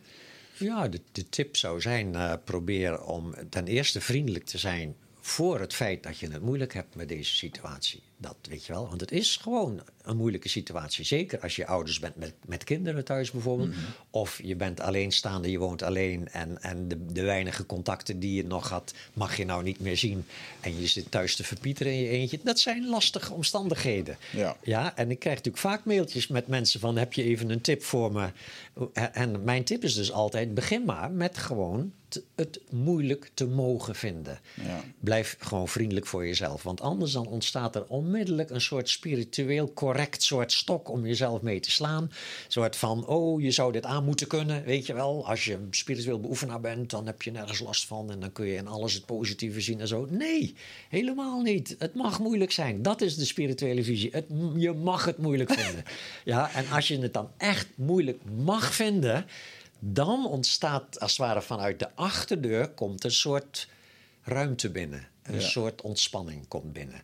Maar zolang jij denkt, ik moet deze moeilijke gevoelens veranderen in een soort ruim ontspannen gevoel, ben je nog steeds proberen je ervaring te veranderen in een andere ervaring. Ja. Ja, en dat is de oorzaak van al het lijden. Iets ervaren en het tegelijkertijd niet willen ervaren, dat is wat lijden is. Ja. Dus iets ervaren en zeggen: Ik mag dit ervaren. Dit is gewoon een moeilijke situatie. Het is helemaal oké dat ik hier tegen de muren oploop. of dat ik mijn kinderen achter het behang wil plakken. Dat mag. En in die vriendelijkheid ontstaat ruimte waarin je en vriendelijker bent voor jezelf als je alleen zit. maar ook vriendelijker bent voor je kinderen als ze je boel aan het afbreken zijn thuis uit verveling of zo. Weet je? wel? Dat echt waar. Het, de vriendelijkheid is is het het spirituele, zeg maar, is de spirituele beoefening. Ja. Vriendelijkheid voor wat er, wat er is. En wat er is, is dus ook inclusief hoe je je voelt. Ja, ah, interessant. Ehm, denk je dat ehm, eh, de mensen die nu in deze crisis zitten en die daar zo'n last van hebben, eh, ik noem het eventjes het angstvirus, ehm, die ervaren dat nu, en dan is het best wel moeilijk om, om dat in dat moment, want dit is eigenlijk het moment dat ze jou bellen van, joh, Jan, heb je dan die tip? En dan vervolgens dan vertel je dit, maar ze voelen zich angstig. Ze kunnen dat nog niet direct doen. Eh, zit, zou je zeggen dat het werk er meer in zit dat op het moment als dit straks, want dit gaat over, dat is in ieder geval één geruststelling die we hebben, dit gaat over, dat in de tijd dat, eh, dat we weer naar buiten mogen en dat we weer onze dingen doen, eh, dat we dan toch wel, eh, dat je er wel naar gaat kijken dan, want anders komt het volgende keer weer terug en dat hoeft niet met een pandemie te zijn, of met, maar dat kan Ja, met ja, iets ja. anders weer terugkomen. Maar dat, dat hangt echt van het individu af. Sommige mensen zullen, zodra deze crisis voorbij is, onmiddellijk naar business as usual. Gewoon oude, de oude zeg maar, stijl van leven gewoon weer zo snel mogelijk oppakken. Ja. En andere mensen zullen niet alleen na afloop, maar ook al tijdens, natuurlijk zich vooral tijdens misschien wel afvragen. Oké, ik ben dus bang, maar wat is, er, wat is er eigenlijk? Weet je wel, wie is bang en waar ben ik dan precies bang voor? Ja. En dat gaan onderzoeken. En, en, en daar dan ook dus eerst die vriendelijkheid voor ontwikkelen. Mag, weet je wel. En dan vervolgens gaan kijken, maar ja, maar wat, wat maakt dan eigenlijk die angst? Wat, wat maakt mij angstig? En als je dat dan kunt herkennen, of vanuit die absolute beoefening, en namelijk dat je gewoon ziet, het is een gevoel en ik ben dat gevoel niet. Maar je kunt ook op een relatief niveau zeggen van mijn angst zijn vooral mijn gedachten die mij angst bezorgen. Ja. Ja, dus dat is al een, een, een soort inzicht als je zegt van nee, het is niet het virus wat mij bang maakt. Het zijn de gedachten die ik heb en die gevoed worden door journaaluitzendingen en krantenartikelen en allerlei nepnieuws uiteraard ook. En hoe mijn vrienden erop reageren. Dat allemaal ja, voedt mijn, mijn verhaal, mijn gedachten. En die maken mij angstig of bekneld. Of voel, me- daardoor voel ik me bedreigd. Ja. Dus als je ziet dat het je mind is, het verhaal wat jou zeg maar beknelt, dan kun je ook een ander verhaal gaan zoeken. En dat andere verhaal, dat mag een verhaal zijn wat zeg maar jou aanspreekt op gronden die bij jou passen.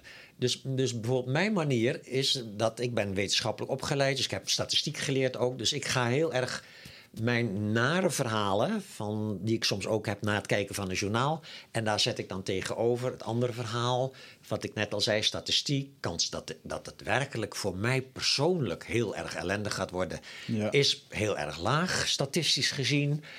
En, en, en, en tegelijkertijd soort van, ik ben niet zo heel erg bang om dood te gaan. Dus zelfs als het zou gebeuren, is het hele idee dat dat iets naast zou zijn, is ook een soort van verhaal wat, waarvan ik niet weet of het waar is. Want ik weet absoluut niet of het naar is om dood te gaan. En al die, daar zet ik het tegenover. En andere mensen die misschien minder met statistiek hebben, die hebben misschien een religieus verhaal. Die zeggen van oké, maar misschien is doodgaan aan, aan corona helemaal niet zo erg. Dan kom ik in de hemel. Eh, wat dan ook. Of eh, mensen die eh, geloven, niet is niet een geloof, maar die bijvoorbeeld geïnspireerd zijn door die boeken over bijna doodervaringen. ja, zoals de Nederlandse schrijver Pim van Lommel, hè, die prachtig boek heeft geschreven over bijna doodervaringen. En daar ook een, een, een poging doet om dat in een soort theoretisch kader te, te omvatten. En best een heel lezenswaardig boek.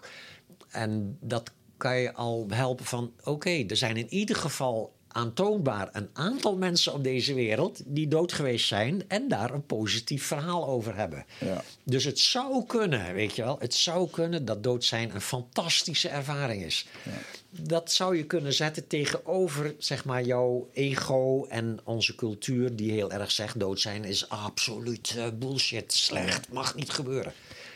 En dan kun je het ene verhaal tegenover het andere zetten. Dat, in, in het boeddhisme noemen ze dat de antidote-methode. Ja. Dus je ziet een verhaal, een soort giftig verhaal. Een verhaal waar je alsmaar over nadenkt. En ja, hetzelfde ook als je partner ineens verliefd wordt op iemand anders. Oh, hele dagen heb je dat giftige verhaal in je hoofd. Als je dan een ander verhaal kunt ontwikkelen. Een verhaal wat vriendelijker is. Een verhaal wat voor jou een zekere waarheidsgehalte heeft. Maar zonder te vergeten dat het ook een verhaal is. Ja. Want uiteindelijk hebben we alleen verhalen. De denkende geest is een verhalenmaker. Ja, grappig dan. Dit, dit, eh, ik wist niet dat het ook in het boeddhisme al een keertje zo bedacht was. Onlangs hoorde ik hier een ehm, neurowetenschapper over die zei: vraag jezelf eens af. ehm, wat is hetgene wat je de angst geeft? Dan is de tweede stap, wat levert het je op? Nou ja, die gedachte en één gevoel. En als derde, wat, ga je bedenken dat je er anders tegenover kan Ja, zetten? Eigenlijk hetzelfde idee. Ja. En hij had het erover dat ons, ons, ons brein is ook een... ehm, houdt van learning-based experience. Oftewel, ja. ja, je moet het voor je kunnen zien, alle opties af kunnen gaan... en dan komt daar die berusting in. Maar Ja, de boeddhisten mooi, hadden dit dus al bedacht. Ja, mooi dat je in de Ja, neurologie nu ook zeg maar, dingen ziet ontstaan, theorieën ziet ontstaan, hè? Mhm. die ja, in, in, in het boeddhisme al lang bestaan natuurlijk over het inslijten van neuronenbanen, hè? bepaalde negatieve gedachten. Als je ze vaak denkt, Ja. dan ga je ze steeds makkelijker denken. Ja. Dat, hè? En, en dat is dus waarom zeg maar, de Boeddha allerlei methoden heeft geleerd om andere, ja, Thich Nhat Hanh noemt dat to water the seeds of joy. Ja. Je hebt gedachten die jou vrolijk maken, ga die gedachten dan help die een beetje inslijten. Zorg dat Ja. die neuronenbanen wat makkelijker afvuren, weet je wel. En dus, dat is dus wat ze in het boeddhisme de antidote-methode noemen. Een tegengif tegen de neiging om negatieve gedachten te, zeg maar, te voeden met je verzet ertegen. Dat je zegt van nee, wacht even, dit is een nare gedachte, weet je wel. Laat ik iets leukers denken. Ja, dat zijn mooie methodes. Ik weet nog wel dat ik, eh, toen ik bij de Indianenstam was, 40 dagen, toen kreeg ik als opdracht. Eh, vanaf nu, toen dat ritueel was gestart, vanaf nu mag je niet meer negatief denken. Als je negatief denkt, moet je het ombuigen. En dan, dan lag ik nu op een podium. Dan zeg ik altijd: jullie zijn allemaal hip met je NLP-opleiding. maar dit, dit doen ze al 4000 jaar lang Ja. in de jungle. Ja, ja. Dus het is wel mooi om te zien dat eh, dat soort beschavingen en oude. Leuk dat dat op deze manier terugkomt in ieder geval. ja. Ik zou even kijken hoe we met de tijd zitten. Want we hebben nog wat kijkersvragen voor je. En. Ehm, je zei net al eventjes heel vluchtig. Je bent zelf niet zo bezig met de dood, hè? Ik ben heel veel bezig met de dood. Of wel? Omdat je Ja. zei van je bent er in ieder geval niet zo Ik ben bang er niet, voor. ja, iets, ja. iets minder bang voor. Mijn ego is er wel bang voor. Dus Ja? ik maak telkens dat onderscheid. Hè. Het ego is gewoon het aangeleerde zelfbeeld. Ja. Dat heeft gewoon op bepaalde impulsen bepaalde reflexen. Dus ik, heb, ben, ik ben nu bijna 70. Ik heb af en toe van die kwaaltjes. Of ik, ben, eh, ik slaap slecht soms. En dan ben ik heel erg moe overdag. En dan heb ik dus die gedachten van... eh, dit is eh, gewoon een wrak wat bijna gewoon de pijp uitgaat. Ja. Met een naar gevoel daarbij ook. Dat herken ik allemaal heel erg goed. Alleen dan is er natuurlijk dat andere deel, wat als het ware steeds beter leert zien wie je werkelijk bent. En dus wie, ook vooral wie je niet bent. Hè? Dus dat ego met dat lichaam en zo wat aftakelt, dat is niet wie je werkelijk bent. Ja. Dat is zeg maar de rol die je speelt of het voertuig wat je hebt in deze wereld. En dat heeft een, een eindige duur. Een beetje zoals auto's ook op een gegeven moment op zijn. Wel? En dan kan je wel blijven rijden in een auto die alsmaar zeg maar, eh, eh, stilstaat langs de weg. Maar dan wordt het tijd om een andere auto te nemen. Ja? Ja. En dat is beeldspraak die een beetje verwijst naar... als dit lichaam op is, laat het los, weet je wel. Laat jezelf gewoon doodgaan, want daarna is er gewoon een nieuwe... Weet je, het, ik bedoel, het leven stopt niet, Nee. weet je wel. Alleen dit leven stopt, maar dit leven is niet wie je werkelijk bent. Ja. Ja, dat is, eh, dat, en dat leer je aanvankelijk, is dat een theorie, hè, de theorie van reïncarnatie. Maar geleidelijk aan wordt dat een ervaring. Mhm. Iets ervaren in jezelf wat niet dood kan. ja. En, en eh, heb je, dat heb je nu dan met momenten. Ja. Ehm, als je morgen dood zou gaan, zou je er dan vrede mee hebben? Zou je dan... eh, Als ik eenmaal dood ben, waarschijnlijk wel. Nou ja, u- uiteindelijk weet je, want je, je schrijft nog steeds boeken. Er is nog steeds een Jan die, die graag boeken schrijft of graag natuurlijk. Ik dingen heb doet. nog steeds dingen die ik leuk vind. En Ja. inderdaad, als een arts zou zeggen: Jan, je hebt nog drie maanden. Dan zou ik datzelfde proces doorgaan als iedereen. Van eerst verzet en eh, boosheid en onderhandelen en uitvluchten zoeken. Toch nog even die wonderdokter zien te vinden. Of Ja. dat ene pilletje wat alle problemen weer oplost natuurlijk. Alleen ik zou dat hele proces ook herkennen. Ja. En met een soort vriendelijkheid zien van... oké Jan, je gaat gewoon door een moeilijke tijd. Ja. En dat zou waarschijnlijk die tijd wat bekorten, dat proces. Ja. Dus dan hoop ik inderdaad dan ergens dat punt te bereiken... dat ik ook die ontspanning kan voelen. Een soort van, oké, als er niks meer aan te doen is... dan ben ik nu klaar met mijn, zeg maar, mijn gepieker en Ja. mijn gedoe om... Om, om zeg maar, me vastklampen aan dit leven. En je gaat voor de optie reïncarnatie. Nou, eh, dat lijkt mij een hele plausibele. Niet in de betekenis overigens van dat er een stukje Jan Geurts dan doorgaat in een ander leven. Ja. Dat is een, eh, een ego-interpretatie van die reïncarnatietheorie. Eh, en dat is natuurlijk ego die een, een leuk nieuw verhaal bedacht heeft, waardoor die toch nog niet doodgaat. Maar je zou zeggen dat er 5% van jou eh, gaat mee naar een nieuw leven. En vorige levens hebben we het dan eventjes over. Ja, dat is de ego-interpretatie. Een klein ja. deel blijft wel bestaan en gaat door. eh, Weet je wel, dat noemen mensen dan vaak de ziel, Ja. de onsterfelijke ziel. Maar boeddhisten geloven helemaal niet in een onsterfelijke ziel. Boeddhisten zeggen gewoon, en in feite Advaita ook... er is gewoon geen permanent soort ik in dat aangeleerde zelfbeeld. Het lichaam gaat dood, het levensverhaal houdt op... gedachten stoppen, gevoelens stoppen. Maar er is iets wat dat allemaal ervaart tijdens Ja. je leven al. En dat wat alles ervaart, is zelf niet een ervaring. Ja, Ik moet dat toch een soort van beargumenteren. Want eh, mijn, eh, jij hebt het boeddhisme, ik heb het ayahuasca. En ik heb toch al veel ceremonies gehad waarin ik toch terugging naar vorige levens of dingen meemaakte. En die uitlegde waarom ik nu bepaalde dingen doe. En Mhm. Hoeft ook niet zo te zijn dat het dan zo is. Misschien is dat gewoon een metafoor of een bepaalde uitleg, zodat ik het Mhm. snap. Maar ja, en, en ergens voel ik me daar ook wel, ergens vind ik het ook wel mooi, geloof ik. Ik bedoel, ik Ja, hou- ik- ja, ja, ja. ja. als je de telefoon afgaat, moet die ook opgenomen worden, is de regel. Nee, ik hem wel even. Zo. Oké. Nee, dat, eh, dat, bedoel, dat is natuurlijk heel normaal. Mhm. Als je dat soort ervaringen hebt, eh, al dan niet met, eh, met middelen opgewekt. Ja. Ik bedoel, hetzelfde, dezelfde vergissing maken we ook binnen dit leven. Ik bedoel, als je terugdenkt bijvoorbeeld aan je lagere schooltijd of aan je middelbare schooltijd, dan heb je ook een heel sterk gevoel dat dat dezelfde ik is. Ja? Wat in werkelijkheid niet zo is. Alles wat je toen was, ja, laten we zeggen, ook als, als puber bijvoorbeeld. Het lijf is volledig een ander lijf wat je nu hebt. Ja. Ja, je gedachten en je gevoelens zijn niet meer dezelfde als die je toen hebt. Ja, en toch hebben we die, die, sterke, die sterke soort van... dat sterke gevoel dat dat dezelfde persoon is. Nu, hoe komt dat? Omdat zowel dat wat op dit moment jou als Wichert ervaart op dit moment... als dat wat jou ervoer als puber Wichert of als lagere school Wichert, weet je wel... dat wat dat ervoer is niet veranderd. Ja. Ja, is dit storend? Ja, het, Ja, het- toch wel. De derde keer moet je hem echt opnemen. Laten we het daarop houden. Ja, ik wil hem wel opnemen. Met Jan Geurts. Heerlijk dit. Met wie spreek ik? Oh ja, mag ik, ja, mag ik u eh, later terugbellen? Want ik zit net in een opnamestudio. Een klein beetje. En ehm, ja, dus misschien kunt u mij of vanavond of morgenochtend bellen. Zo morgenochtend na tien uur. Ja, oké, hartelijk dank. Joe, dag. Oké, nou zet ik hem echt even op stil. Oké. Dit is toch wel storend, hè? Nou ja, misschien was het een heel belangrijk telefoontje. Nee, het was niet belangrijk. Oké. Maar omdat ik dat niet kon zien, weet je wel. Dat is, eh, eh, eigenlijk grappig. Er stond alleen de plaatsnaam Deventer. Oh. En toen ja. dacht ik ineens aan. Waar, wij, waar wij toen de vorige... Ja, ja, ja. ja dat was toch ook in Deventer? Dat was in Deventer, ja. Ja, ja. En toen dacht ik, zou het dan misschien jouw compagnon zijn? Die jou nu gaat denkt, bellen. Ik ga ook wat vragen stellen. Ik, ik ga even inbellen. ja, ja, ja, dat, is- dat is zo'n beetje bijgedachte die ik had. Dat is grappig. Ik had hem gisteren nog aan de telefoon. Toen zei, hij, eh, toen zei ik nog van als je nog vragen hebt voor Jan. Hij, heeft, eh, hij is helemaal in het polyamoreuze gestapt. Dus ik zeg als je nog vragen hebt dan eh, wil ik ze graag voor je stellen. Maar ik heb niks meer doorgekregen.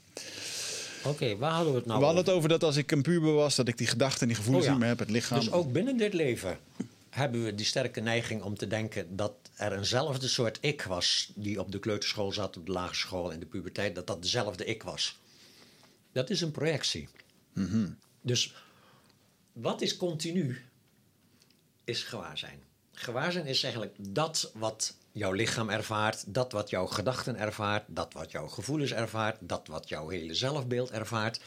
Dat is continu, maar dat is zelf niet een ding. Ja.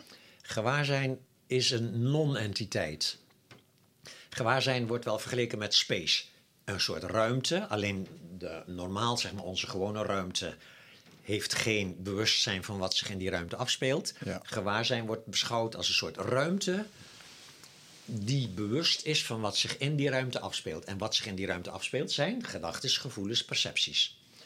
Dus dat gewaarzijn is het enige wat zeg maar, continu is, wat nooit begonnen is en nooit ophoudt. Omdat het niet een ding is, omdat het niet een verschijnsel is.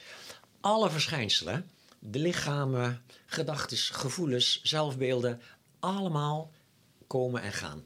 Ja? Een lichaam heeft een levensduur en lost dan weer op en, en valt uit elkaar. Op een subtieler niveau heb je levensfasen die opkomen. Een tijdje ben je heel erg een middelbare scholier of ben je heel erg, weet je wel, eh, noem maar een beroep op. En die komen en gaan. En dan op een nog subtieler niveau heb je emoties. Je voelt je een uur lang waardeloos of een dag lang heel erg blij. Komen en gaan. En op een nog subtieler niveau heb je constant gedachten die opkomen. Ja. Gedachte A komt op en lost op, maar triggert een volgende gedachte. En die lost op, triggert een volgende gedachte. En dan zie je een heel mooie golfbeweging ontstaan. Als je echt op die manier naar gedachten kijkt. Gedachte A, gedachte B, gedachte C, gedachte D. En dat is dus een soort golfbeweging die ontstaat. Als je goed kijkt naar water waar een golfbeweging in ontstaat, dan zie je dat het water zelf stilstaat. Het water gaat niet van rechts naar links, maar door de wind lijkt het alsof er golfjes van rechts naar links gaan. Ja. Maar die golfjes gaan niet eens van rechts naar links. Elk water beweegt zo en als het zich weer ontspant, zal het daarnaast omhoog gaan en weer ontspannen. Dit is op het meest subtiele niveau. Is zeg maar de, de, de reïncarnatie. Gedachte gaat dood, geeft, geeft voeding aan een nieuwe gedachte. Die, dat, weet je wel, dat gevoelens lossen op, geeft voeding aan nieuwe gevoelens. Dat levens ontstaan, gaan weer dood, geeft voeding aan nieuwe levens.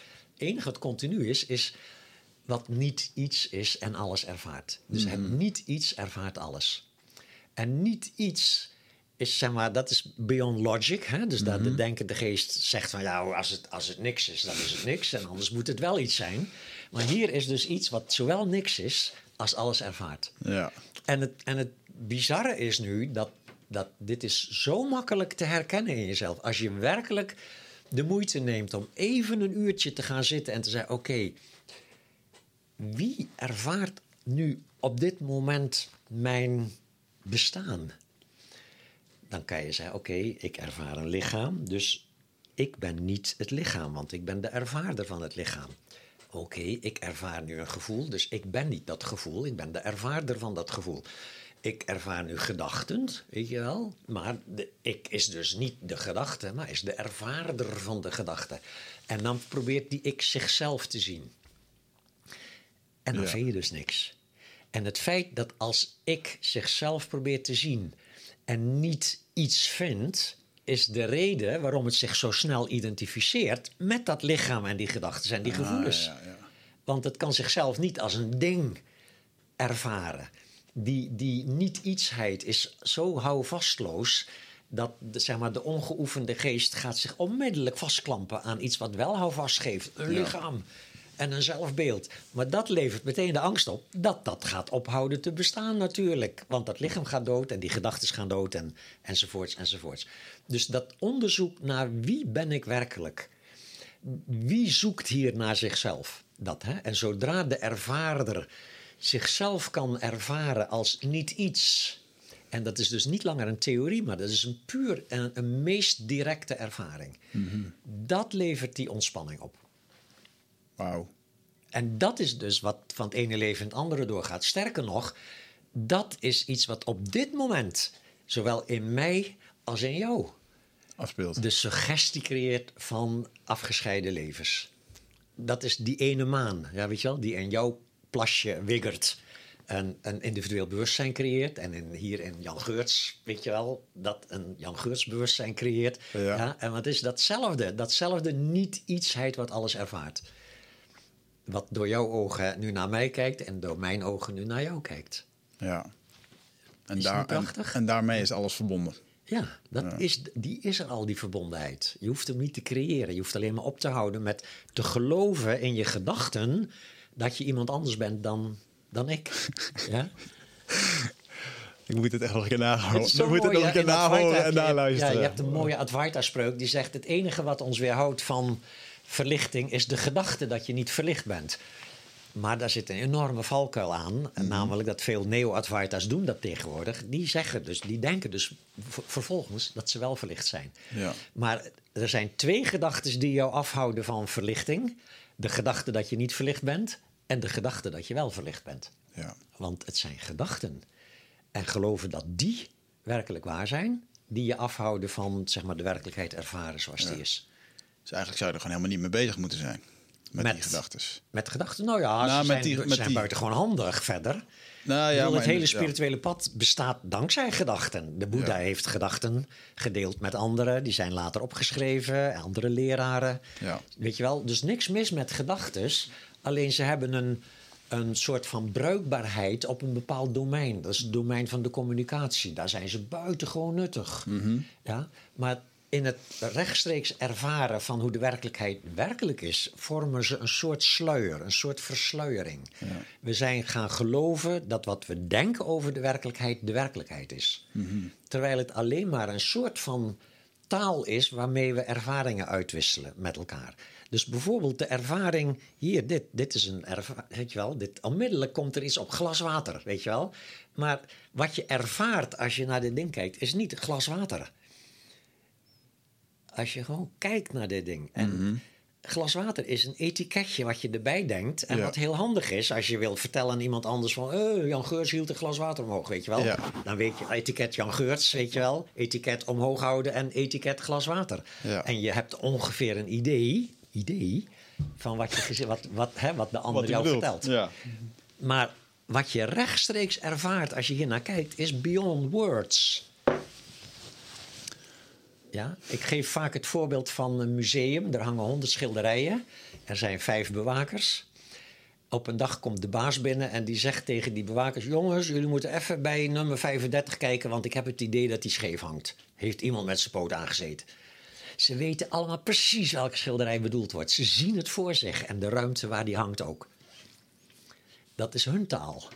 Afspraken onderling.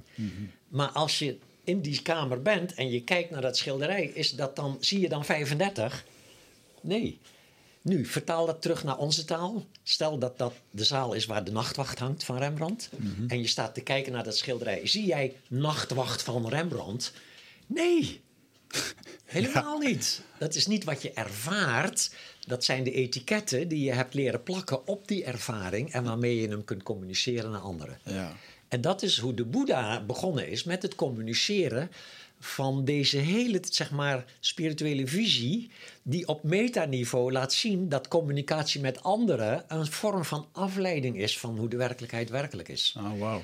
Maar tegelijkertijd een hulpmiddel is om anderen naar de maan te wijzen. Hè? De vinger die Ja. naar de maan wijst. Dus de vinger kan een versluiering worden van de maan. Als je heel erg gelooft dat de theorie, eh, al is het de mooiste boeddhistische theorie over de werkelijkheid, en je gaat die theorie beschouwen als daar geloof ik in, dat is werkelijk waar, ben je nog steeds niet in contact met de werkelijkheid. Je zit nog steeds in je hoofd, in je denkwereld. Ja.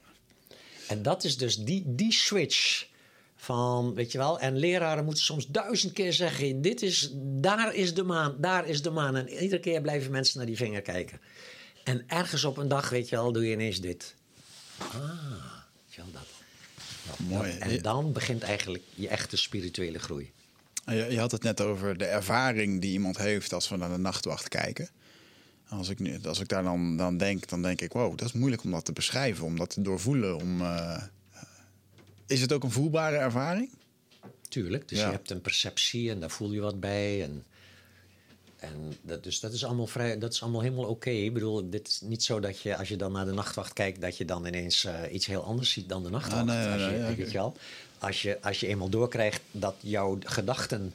een soort versluiering zijn van de werkelijkheid... en je houdt op met via je gedachten naar de werkelijkheid te kijken... en je kunt zeg maar, steeds beter rechtstreeks de werkelijkheid ervaren dan blijft de nachtwacht de nachtwacht en deze tafel blijft deze tafel. En toch verandert er iets, namelijk in de perceptie ervan. Ja. En die perceptie wordt helderder, wordt extatischer zelfs op, op sommige momenten. mooi. Zonder dat zeg maar, de, de objectieve kant van de, van de perceptie eh, anders is. Bijvoorbeeld je, je eigen woonkamer, waar je een soort van, soort van, die is zo vertrouwd, zo gewoon, zo normaal. En als je dan in je beoefening zo'n moment bereikt dat je even helemaal vrij bent van het denken, dan kun je je eigen woonkamer zien met echt een soort extase, een soort wow, weet je wel. Een soort van, dat is maar eventjes hoor. Even later zegt je denk in de geest weer van, wow, dat was extatisch, weet je wel. En dan Ja. dus weer, Ja, ja, ja. dat mag ook, weet je wel, dat is ook oké. Ja. Als je kijkt naar jouw, ehm, jouw boek Wijzen naar de Maan, wat vind je zelf het mooiste verhaal wat je erin hebt geschreven? Oh. Ik geloof dat ik het mooiste verhaal vind, dat verhaal van die man. Dat is echt een fictieverhaal. Eh, die man die op de veerboot van Breskes naar Vlissingen een vrouw ontmoet waar, die die vroeger in de klas heeft gehad als meisje. En waar die een ervaring mee heeft gehad, een beetje een moei- moeilijke ervaring. En dan ziet hij haar op de veerboot weer. En dan op een moment dat zij overboord wil springen. Al, hè, zij heeft een moeilijk leven gehad. En afijn, dat, ik ga niet het hele verhaal vertellen. Maar het verhaal eh, l- leidt er op een gegeven moment toe... dat zij hem als het ware in het water duwt uit woede... en hij op dat moment verlichting bereikt. Door allerlei omstandigheden die daar samenkomen. En dat bizarre moment daar aan de buitenkant van een veerboot hangend. Als het ware hebben die twee een moment van totale liefde. En daarna valt hij in het water omdat zij hem wegduwde. En voor beide is dit een gebeurtenis van totale verlichting. Eh, Echt, ik vond dat zo'n prachtig mooi verhaal. Mooi. Dat eh, ontroert me nog steeds. En, en hoe, kom je bij de, hoe ben je op dit specifiek verhaal gekomen? Ja, ik had het vroeger al eens een keer in een heel andere vorm geschreven. Ik heb vroeger een keer, pakweg 20, 30 jaar geleden... eigenlijk in een soort uitdagingje met een goede vriend van me. Zei, weet je wat, we hadden allebei van die... een beetje zo'n vage ambitie om schrijver te worden. We hadden elkaar de opdracht gegeven van... oké, met kerst, en dat was nog in de zomer... met kerst hebben we allebei een verhaal geschreven van 30 bladzijden. En wie, eh, wie het niet geschreven heeft, betaalt een etentje voor de ander. Dus om elkaar een beetje te stimuleren. Hè? Dus, eh, dus eh, ik had toen dit verhaal geschreven, maar het was een totaal, er zat geen spirituele lading in. Het was een heel ander verhaal. Maar het gegeven van die veerboot en die man en die vrouw, dat zat er wel al in.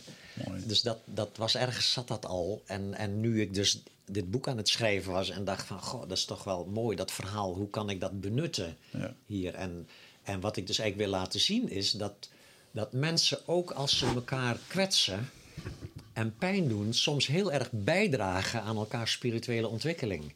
Ik heb het natuurlijk ook gezien met die, mijn laatste relatie, die zeven jaar lang zeg maar, euforisch gelukkig was en daarna drie jaar lang heel pijnlijk soort elkaar los moeten laten.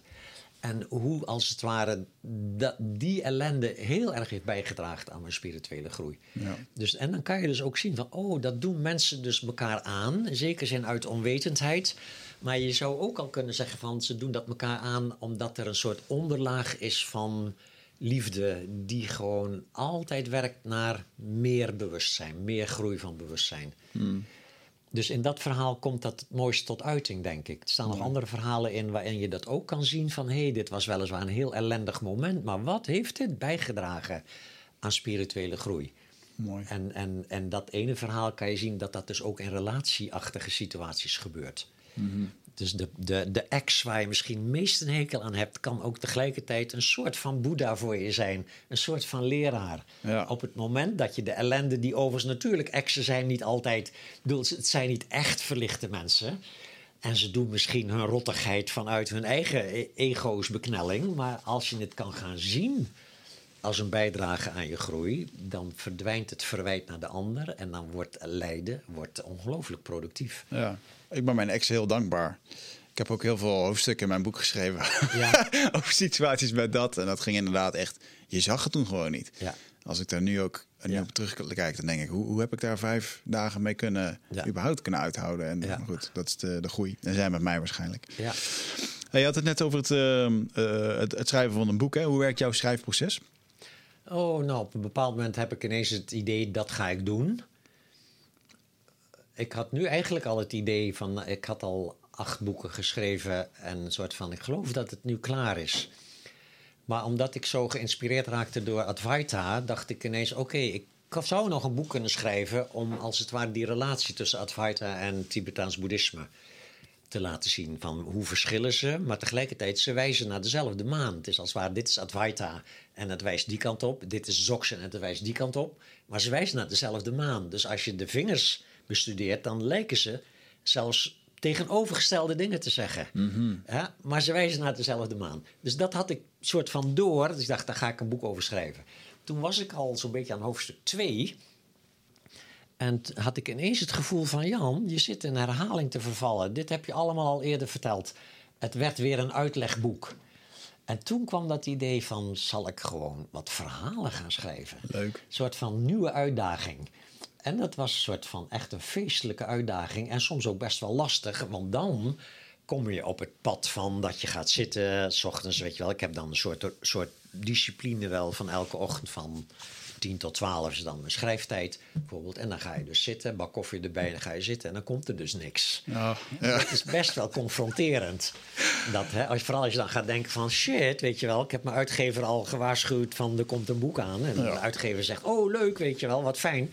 En dan kan je dus een beetje in een soort kramp komen. En natuurlijk, als je daar dan weer naar kunt kijken met vriendelijkheid, dan lost het ook weer op. Dus ik heb er gelukkig niet, eh, ik heb niet echt writer's block gehad. Maar het is een heel ander proces. Hè? Een heel ander proces van creatie dan als je al zeg maar the- een theorie helemaal begrijpt Ja. en hem dan probeert uit te leggen aan anderen. Ja, ja, ja. Dus eh, dat, is, eh, zeg maar, dat was de laatste, bij dat laatste boek dus het geval. Dus eerst kom ik zeg maar, op dat idee. Als ik dan echt denk, ja, dit wordt een boek... dan, eh, dan eh, bel ik mijn uitgever op. Zeg ik van, ik geloof dat er wel weer wat aankomt. Ben je geïnteresseerd? Nu inmiddels dus wel natuurlijk, want die andere boeken lopen allemaal ook goed. Dus dan spreken we een deadline af, want ik heb een deadline nodig... om eh, gewoon die discipline te hebben van elke dag te schrijven. Ja. En dan doe ik niet te lang, twee uur per dag vind ik dan wel genoeg. En dan ben ik meestal in een pakweg een maand of vier of zo heb ik het wel bij elkaar. En dan, en dan wordt het pas echt leuk, want dan krijg je feedback van Ja. je uitgever. En dan daarna nog feedback van een taalkundige, weet je wel, een externe taalkundige die eh, de taal helemaal gaat doorspitten. Vind ik heerlijk als mensen dan de zinnen verbeteren. Oh, En zo, hè? dat is echt heel erg fijn. Ja, ik vond het, vers- En dan- het meest verschrikkelijke vind ik de, de, de first eh, big ugly draft, als het ware. Ja, echt gewoon inderdaad dat zitten. En dan, ik moet nu nog één hoofdstuk. En ben, ik vind echt, ik heb toevallig van de week nog opgeschreven. opgeschreven ik vind het schrijversproces, ik ben het eh, evenveel gaan haten als liefhebben. Ah, ja, ja, ja. Ehm, maar inderdaad, het, eh, het fine-tunen, het mooi maken Het ervan. bijschaven, hè? En eh, ik heb leuk, een, hè? een online cursus van een meneer ge- gevolgd, die zei dat heel mooi. Die zei, het herschrijven, het fine-tunen van je boek is als het ware alsof je al die tijd al wist wat je aan het doen was. Ja, ja, ja. ja. dat is leuk, ja. Dus eh, maar goed, eh, en dan binnen vier maanden dan ligt er eigenlijk gewoon een nieuw boek op de plank. En Ja, dan, daarna is het een beetje wel bijschaven en, eh, en feedback eh, erin verwerken en zo. En, ja. ja. En, en ehm, je bent trouw aan een uitgever die, eh, die je hebt. Heb je ooit gedacht een zelf uitgeven? Ja, ja, ja, ik wil altijd dezelfde uitgever. Ik ben trouw aan de uitgever, maar de uitgever is ook trouw aan mij. Dus eh, altijd, eh, weet je wel, al mijn boeken zijn zeg maar, nog in de verkoop. Hè? Dus uit, ook als het dan een boek wat minder verkoopt. Nu ze hebben nooit echt dat een boek niet verkocht. En dan gaat ook deze uitgever, doet het natuurlijk uit, eruit gaat in de rams. Ja. Dus dat hebben ze ook nooit hoeven doen. Maar ik, ja, en ik vind ook wel dat ze. Ze zijn echt heel lief gewoon. Ze, ze luisteren altijd naar mijn suggesties over de omslag. Eh, ze bemoeien zich nooit met de inhoud. Ja, dus wel de feedback geven, maar Ja. ik bepaal of ik hem neem of niet neem, Ja. de feedback. Ja. Ja, dus ze laten me helemaal vrij ook qua inhoud. En eh, qua vormgeving, dat is hun pakje aan. Maar dan luisteren ze heel erg naar wat ik mooi vind. Ja, mooi. En, eh, dus echt, ze geven mij zoveel ruimte. Hè. En, dus Misschien, ben- misschien hebben ze wel verlatingsangst. Ja, weet. nou ja, er was een tijd dat ik even wat... Zeg maar, ik was toen wat ontevreden over de royalties. En toen dacht ik... eh, toen kwam ik in zo'n soort eh, vibe terecht van... ik kan ook zelf mijn boeken gaan uitgeven. Ik bedoel, als je al een enige bekendheid hebt... Ja. dan zou dat theoretisch best wel kunnen. Eh, tegenwoordig kan je alles via internet kan je regelen. En dus ik zei dat tegen hem, een beetje soort van... ik vind toch wel, weet je wel, die, die 12% of zo... die je dan krijgt eh, bij een goed lopend boek al en zo. Fijn, dus ik vond het toch wel wat, zeg maar, als ik het zelf uitgeef... dan krijg ik toch echt veel meer, eh, kunnen we daar nog eens over hebben en zo. En toen waren ze ook heel soort van, nee, wat even, weet je wel, dat kunnen we wel doen. En hebben ze ook mijn royalties wat, zeg maar, wat verhoogd. Ja. En ik haal ook weer niet het onderste uit de kan. Denk, oké, weet je wel, hier ben ik al blij mee, dus oké. Ja. Dus wij hebben, eh, ik heb met mijn uitgever een hele fijne verstandhouding. Ja, mooi. Ja. Leuk. Dus dit is voorlopig eventjes het laatste boek? Of heb je misschien alweer een... eh, ja, soms denk ik wel een boek over doodgaan. Maar, maar tegelijkertijd, de, de, trick, de tricky is hier dat hoe langer ik wacht, hoe beter het boek wordt. Ja. Hoe langer ik aan het doodgaan ben. Ja. Ja, hoe meer ik erover meemaak. Ja. Dus het zou best kunnen dat ik dan ergens te laat ben. dat het er niet meer van komt. Ja, dan eh, ja, wordt dit een uitlegboek of een verhalenboek. Ja, misschien Ook- wel ook een een vraag. soort middenweg dan ertussen. Er is ontzettend veel bekend in Tibetaans boeddhisme. Natuurlijk bekend tussen aanhalingstekens. Daar is een zeg maar, enorme cultuur daarvan verhalen over wat er gebeurt als je doodgaat en ook in de periode daarna. Voor westers eh, zeg maar, wetenschappelijke geesten is dat allemaal bullshit natuurlijk. Ja. Maar als je eenmaal herkent dat dat ook verhalen zijn, dan worden andere verhalen op een bepaalde manier aantrekkelijk. En als verhaal zou je ze kunnen benutten als beoefening. Dus ik eh, zou kunnen dat ik daar nog eens over schrijf. Ja. Mooi. Nou, daar wachten we eventjes op. Ik hoop dat je, nog, even, op wachten, ik hoop nee, dat je nog even rond blijft lopen. Maar ehm, ik ga je toch eventjes meenemen in wat ehm, vragen die we van, eh, van luisteraars hebben Ja. gekregen via social media. Pamromp. Even kijken. Namen zal ik gewoon niet noemen, eventjes voor eh, de luisteraar. Nou, ik weet niet of ze dat willen. Oké, komt ie. Hoe zorg ik ervoor dat ik in een nieuwe relatie de principes van een spirituele relatie niet alsnog een soort van streven wordt? Bijvoorbeeld dat ik te onafhankelijk wil zijn. Oké, ja. Ehm, je, kan, eh, je kan dat niet voorkomen. Het is een valkuil waar je gewoon doorheen moet. Het hele spirituele pad is in dat opzicht paradoxaal. Het streven naar het einde van het streven. Je best doen om op te houden, je best te doen. Je wel oefenen in zijn met wat er is en niks veranderen aan wat er is. Dat. Ja, daar zit een paradox in. Dus als je begint met een nieuwe partner, een nieuw lief, en je wil, eh, je wil zeg maar ehm, zelfstandigheid bewaren en toch niet eh, zeg maar in een soort vrijblijvend, vrijblijvende oppervlakkigheid, hè, dan moet je gewoon heel veel praten. Heel veel bespreken met elkaar. Eh, Je hoop en je vrees bespreken. eh, het beeld wat je hebt voor ogen hebt, hoe jij je relatie ziet. En, en dan de ander, hoe zie jij een fijne relatie? En als dat niet helemaal met elkaar matcht, dat je dat dan er kan laten zijn. En niet meteen vindt dat een van beiden het moet toegeven. En, en dat gewoon, en dan maar ervaren. Hè? Dus veel erover lezen, veel erover praten. Eh, vooral delen wat jou bezighoudt. En vooral delen waar je bang voor bent. ja? Zonder de ander te veranderen. Zonder de ander te willen veranderen. Draai je anders de microfoon nog een klein beetje naar. eh, Zo ja. Oké. Oké, mooi. Ja. Goed, helder beantwoord. Ehm, hoe bewaak je de balans tussen ambitie slash doelen eh, bereiken en acceptatie? Ja, hetzelfde verhaal hè. Dus laat je ego gewoon ambities hebben. En probeer zelf daar met enige humor naar te kijken. Ja, Ja, dus hoe belangrijk zijn je ambities? Ja, voor het ego is een ambitie is een soort beeld waar je aan moet voldoen op straffen van zelfaanwijzing. ja, Ik wil die studie afmaken, ik wil deze zaak neerzetten, dat soort dingen. Ja?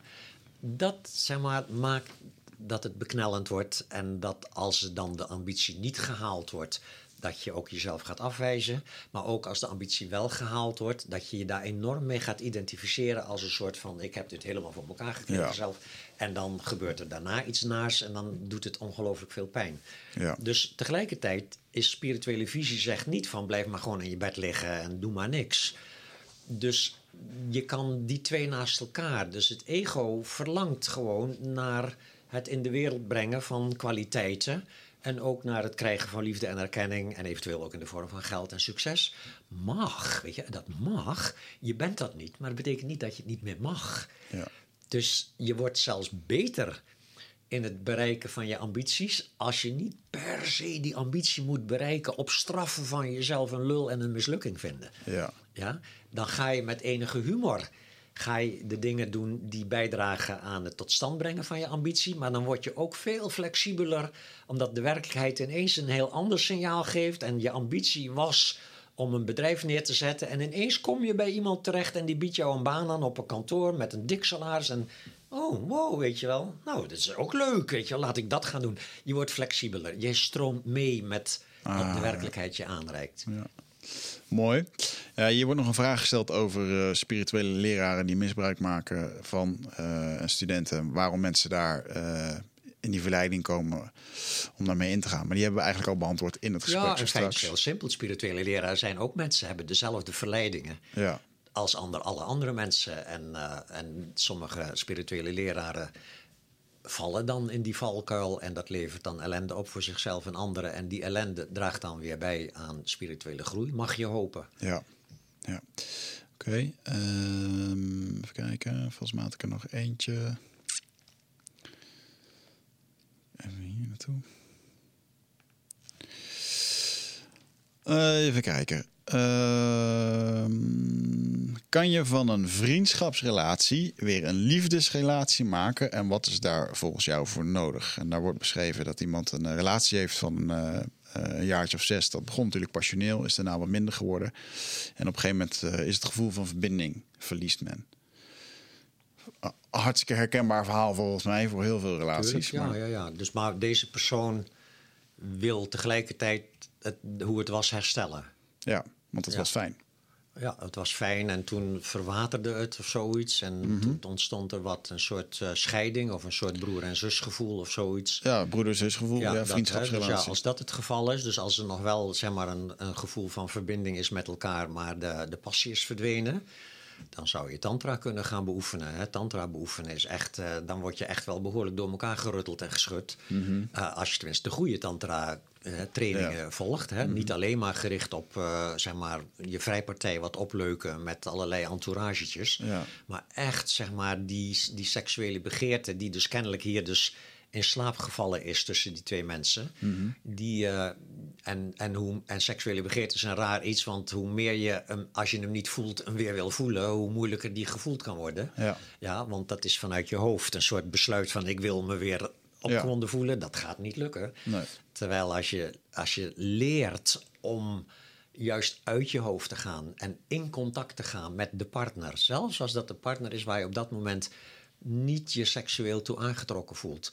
dan kun je op een, met allerlei oefeningen kun je die seksuele begeerte weer op gang brengen, omdat lichamen doorgaans zin hebben in seks. Ja. Het is de mind die daar blokkades inbrengt. Ah. Hè? Dus en, het, en de goede tantra-cursussen laten dat verschil zien. Eh, En doorgaans vrijen mensen met hun mind. Ook als het wel zeg maar, op ego-niveau dan een, een zeg maar, goede vrije relatie is, dan vrij je doorgaans met je mind. Je hebt allerlei beelden en zodra, zolang de werkelijkheid dan voldoet aan die beelden, dat heet dan een goede vrijpartij. Ja. Maar de meeste mensen, je kan het zo bij jezelf nagaan ook. Als je aan het vrijen bent, hoe langer je vrijt, eh, hoe, hoe langer de vrijpartij duurt, bedoel ik. En hoe opgewondener je raakt, hoe minder je in contact bent met je partner. Hoe vaker je met je ogen dicht bezig bent. Ja. Hoe vaker je in een soort beeld bezig bent Ja. van jouw ideale vrijpartij. En als de werkelijkheid voldoet aan dat ideaal, dan heet dat een goede vrijpartij. Ja. Ja, dus dat is heel grappig als je, je- als je alleen al dat gaat doen. Dus, dus als je nog wel vrijt met een partner. En je gaat proberen bewust te zijn tijdens het vrijen van wat er eigenlijk gebeurt. En in het begin praat je nog met elkaar en op een gegeven moment zeg je niks meer tegen elkaar. Dan heb je alleen maar ah en ah, weet je wel, kreuntjes en zo. Eerst heb je nog even oogcontact met elkaar, maar steeds minder, weet je wel. Je ogen gaan dicht bij opwinding. Bij orgasme, bijna iedereen heeft zijn ogen dicht tijdens orgasme. Ja, dus helemaal een soort van helemaal, helemaal weg uit jezelf. Ja. Waardoor het voor het ego zo lekker is. Even jezelf vergeten. Ja. Even uit je hoofd. Ja, alleen het is precies de andere kant op als waar tantra jou brengt. Ja. Tantra brengt jou weer in contact met de werkelijkheid. En de werkelijkheid is op dat moment een ander mens. En een seksuele wisselwerking tussen die twee personen. Die energie tussen man en vrouw is echt waanzinnig mooi. Als je die kunt leren zien zonder ego's, zeg maar, ambitie om te scoren. Ja. Dus je weggaan van het, eh, het nemen en teruggaan naar het geven. Ja, dat ook. Maar geven en nemen mag allebei. Alleen er is op een gegeven moment geen ik meer die zich bezighoudt met een doel te bereiken. Ja. Dat, dat is het grote verschil. Tantrisch vrij is, is doelloos. Ja. Terwijl voor de ego's het doel is altijd piekervaring. Orgasme, weet je wel. Volgende vraag hierop is, eh, hè, er wordt, wordt dan afgevraagd van oké, ehm, hoe, eh, hoe ga je hier nou mee om? Wanneer, wanneer zet je een punt achter een relatie of wanneer niet? Ehm, hoe maak je nu onderscheid of je ontevreden bent omdat de relatie niet vervullend genoeg is en dat dat onvrede geeft? Of dat het onvrede is in jezelf wat je op de relatie projecteert? Oké, ja. Nee, ik snap de vraag. En eh, zo ten eerste, onvrede in een relatie is altijd een projectie van jezelf die je op de relatie projecteert. Ja. Dat, er is niks anders dan je eigen projectie van de werkelijkheid. Eh, het punt is hier natuurlijk dat sommige relaties eh, spanningen opleveren eh, vanwege een zeg maar, onoverbrugbaar verschil tussen twee ego's, die aan het licht komt als je wat langer samen bent. En dan zouden die twee ego's zichzelf behoorlijk moeten amputeren en veranderen om dat weer te redden. Weet je wel? Dan, als dat het geval is, kan je beter uit elkaar gaan. Terwijl als er nog steeds een, behoorlijke grond is van overeenstemming, en vooral ook in verhaal, in opvattingen over hoe een relatie zou moeten zijn. En je zou de moeite nemen om zeg maar, dat, dat te gaan onderzoeken, zowel op eh, psychotherapeutisch niveau als op spiritueel niveau. Dan zou uit zeg maar, die relatiecrisis of relatie-impasse zou een, een nieuw soort van ehm, gelukkige relatie kunnen ontstaan. Voor Ja. een tijd althans, want alle relaties zijn tijdelijk. Dus dat idee dat ze voor altijd moeten duren of dat het anders een falen is, dat is sowieso al een ego's idee van relaties moeten voor altijd zijn, anders ben je fout bezig. Ja. Nee, relaties hebben een, hebben een zeg maar, houdbaarheidsdatum. Het kan soms duren totdat een van beiden doodgaat, maar is niet het doel. Nee. Het doel is zeg maar groeien. Ja. Mooi. En, en, eh, en dat verschil is soms moeilijk te zien, inderdaad. Dus ik zou mensen aanraden: probeer eerst maar gewoon te gaan praten over alles waar je bang voor bent.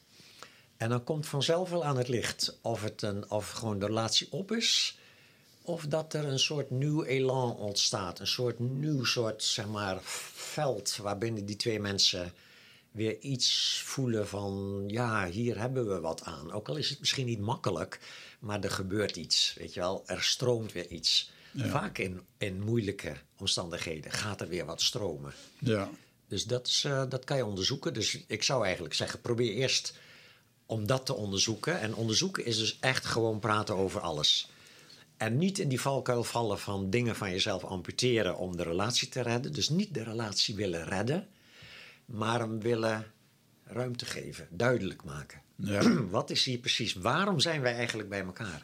Ja, Onderzoek dat eerst eens. ja. Mooi. Ik denk dat dit een, eh, een mooie afsluiter is. Nou, We hebben geloof ik meer dan twee uur eh, erop zitten. Zijn we al twee uur bezig? Ja, zeker. Ehm, in ieder geval weer ontzettend dankjewel dat je hier eh, in de studio wilde komen. Ik eh, hoop dat je over drie jaar nog een keer wil komen voor een derde versie. Ja, dat zou leuk zijn. eh, ja. hopelijk heb je dan een, eh, wederom een nieuw boek. Ik wil in ieder geval bedanken voor het, voor het werk wat je doet. Je bent tegenwoordig online te vinden. Daar hadden we het over voordat de, de, de, podcast was begonnen. Jij bent ook gedwongen om je retreats af te zetten en af te zeggen en, en dingen online Ja, te vooral doen. mijn jaarcursussen. Ja, Het zijn mensen die ik dus al ken en die al zes lessen bij mij hebben bijgewoond. Hè. Ja. Eén keer in de maand is dat dan een dag. Nu, dat heb ik natuurlijk moeten cancelen nu. Dus dat gaat nu verder gewoon via Zoom, hè, via internet. Ja. Werkt eigenlijk hartstikke goed. mooi. En ik zie me dat wel wat uitbreiden ook in de toekomst. Ja, Dus eh, ook vooral voor, ook als we weer wel bij elkaar mogen komen. Je hebt ook mensen die gewoon de afstand te ver vinden of om een andere reden niet ergens naartoe kunnen om les te krijgen. En eh, ja, waarom niet? Het is, Ja. het is een leuke aanvulling. ja, mooi. mooi. Ik weet nog dat je vorige keer, vorige keer toen zat je hier en toen weet ik nog wel dat je zoveel mogelijk weg probeerde te blijven van e-mails, social media. En, maar je wordt Ja, toch nee, e-mails wel. E-mails vind ik echt. E-mail is mijn, eh, is mijn ding. Ik, eh, ik, ik beantwoord elke dag best wel een hoop e-mailtjes van mensen. En dat vind ik een heel prettig sociaal medium. Want dat doe ik op het moment dat ik er zin in heb. Ja. Een paar keer per dag ga ik zitten en dan open ik dat mailprogramma.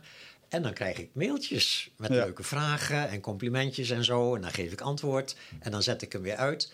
Dat, maar bijvoorbeeld telefoneren doe ik bijna niet. Mensen kunnen mij doorgaans niet bellen. Zeg ik altijd mail maar, weet je wel. Ja. En, en ik heb geen Instagram en geen Twitter en dat soort dingen. Ik heb wel WhatsApp, maar is alleen maar voor de meest nabije mensen om weet je wel, af en toe even een appje te sturen. Dus eh, in dat opzicht ben ik inderdaad een beetje een kluizenaar. Ik woon ook min of meer afgelegen, dus ik heb gewoon alle ruimte voor mezelf ook. Maar ehm, ik ben niet eenzaam, absoluut niet. Nee, ik zie genoeg mensen nog. Mooi. En nu dus ook via Zoom. Dus Ja. ik weet niet wanneer je dit luistert, maar nu zitten we in de coronacrisis. Het is nu begin eh, ehm, april. Eh, maar eh, misschien als je dit over een paar maanden of misschien over een jaar luistert, dan wie weet wat je kan vinden online bij Jan. Jangeurts.nl hè, is gewoon Ja. jouw website. Onlangs vernieuwd, zag ik. Dus eh, Mijn zoon eh, is mijn webmaster en die eh, maakt mooie dingen. ah, mooi. Check it out. Jan, ontzettend bedankt dat je hier was. Ja, graag gedaan. Luisteraars, tot de volgende keer.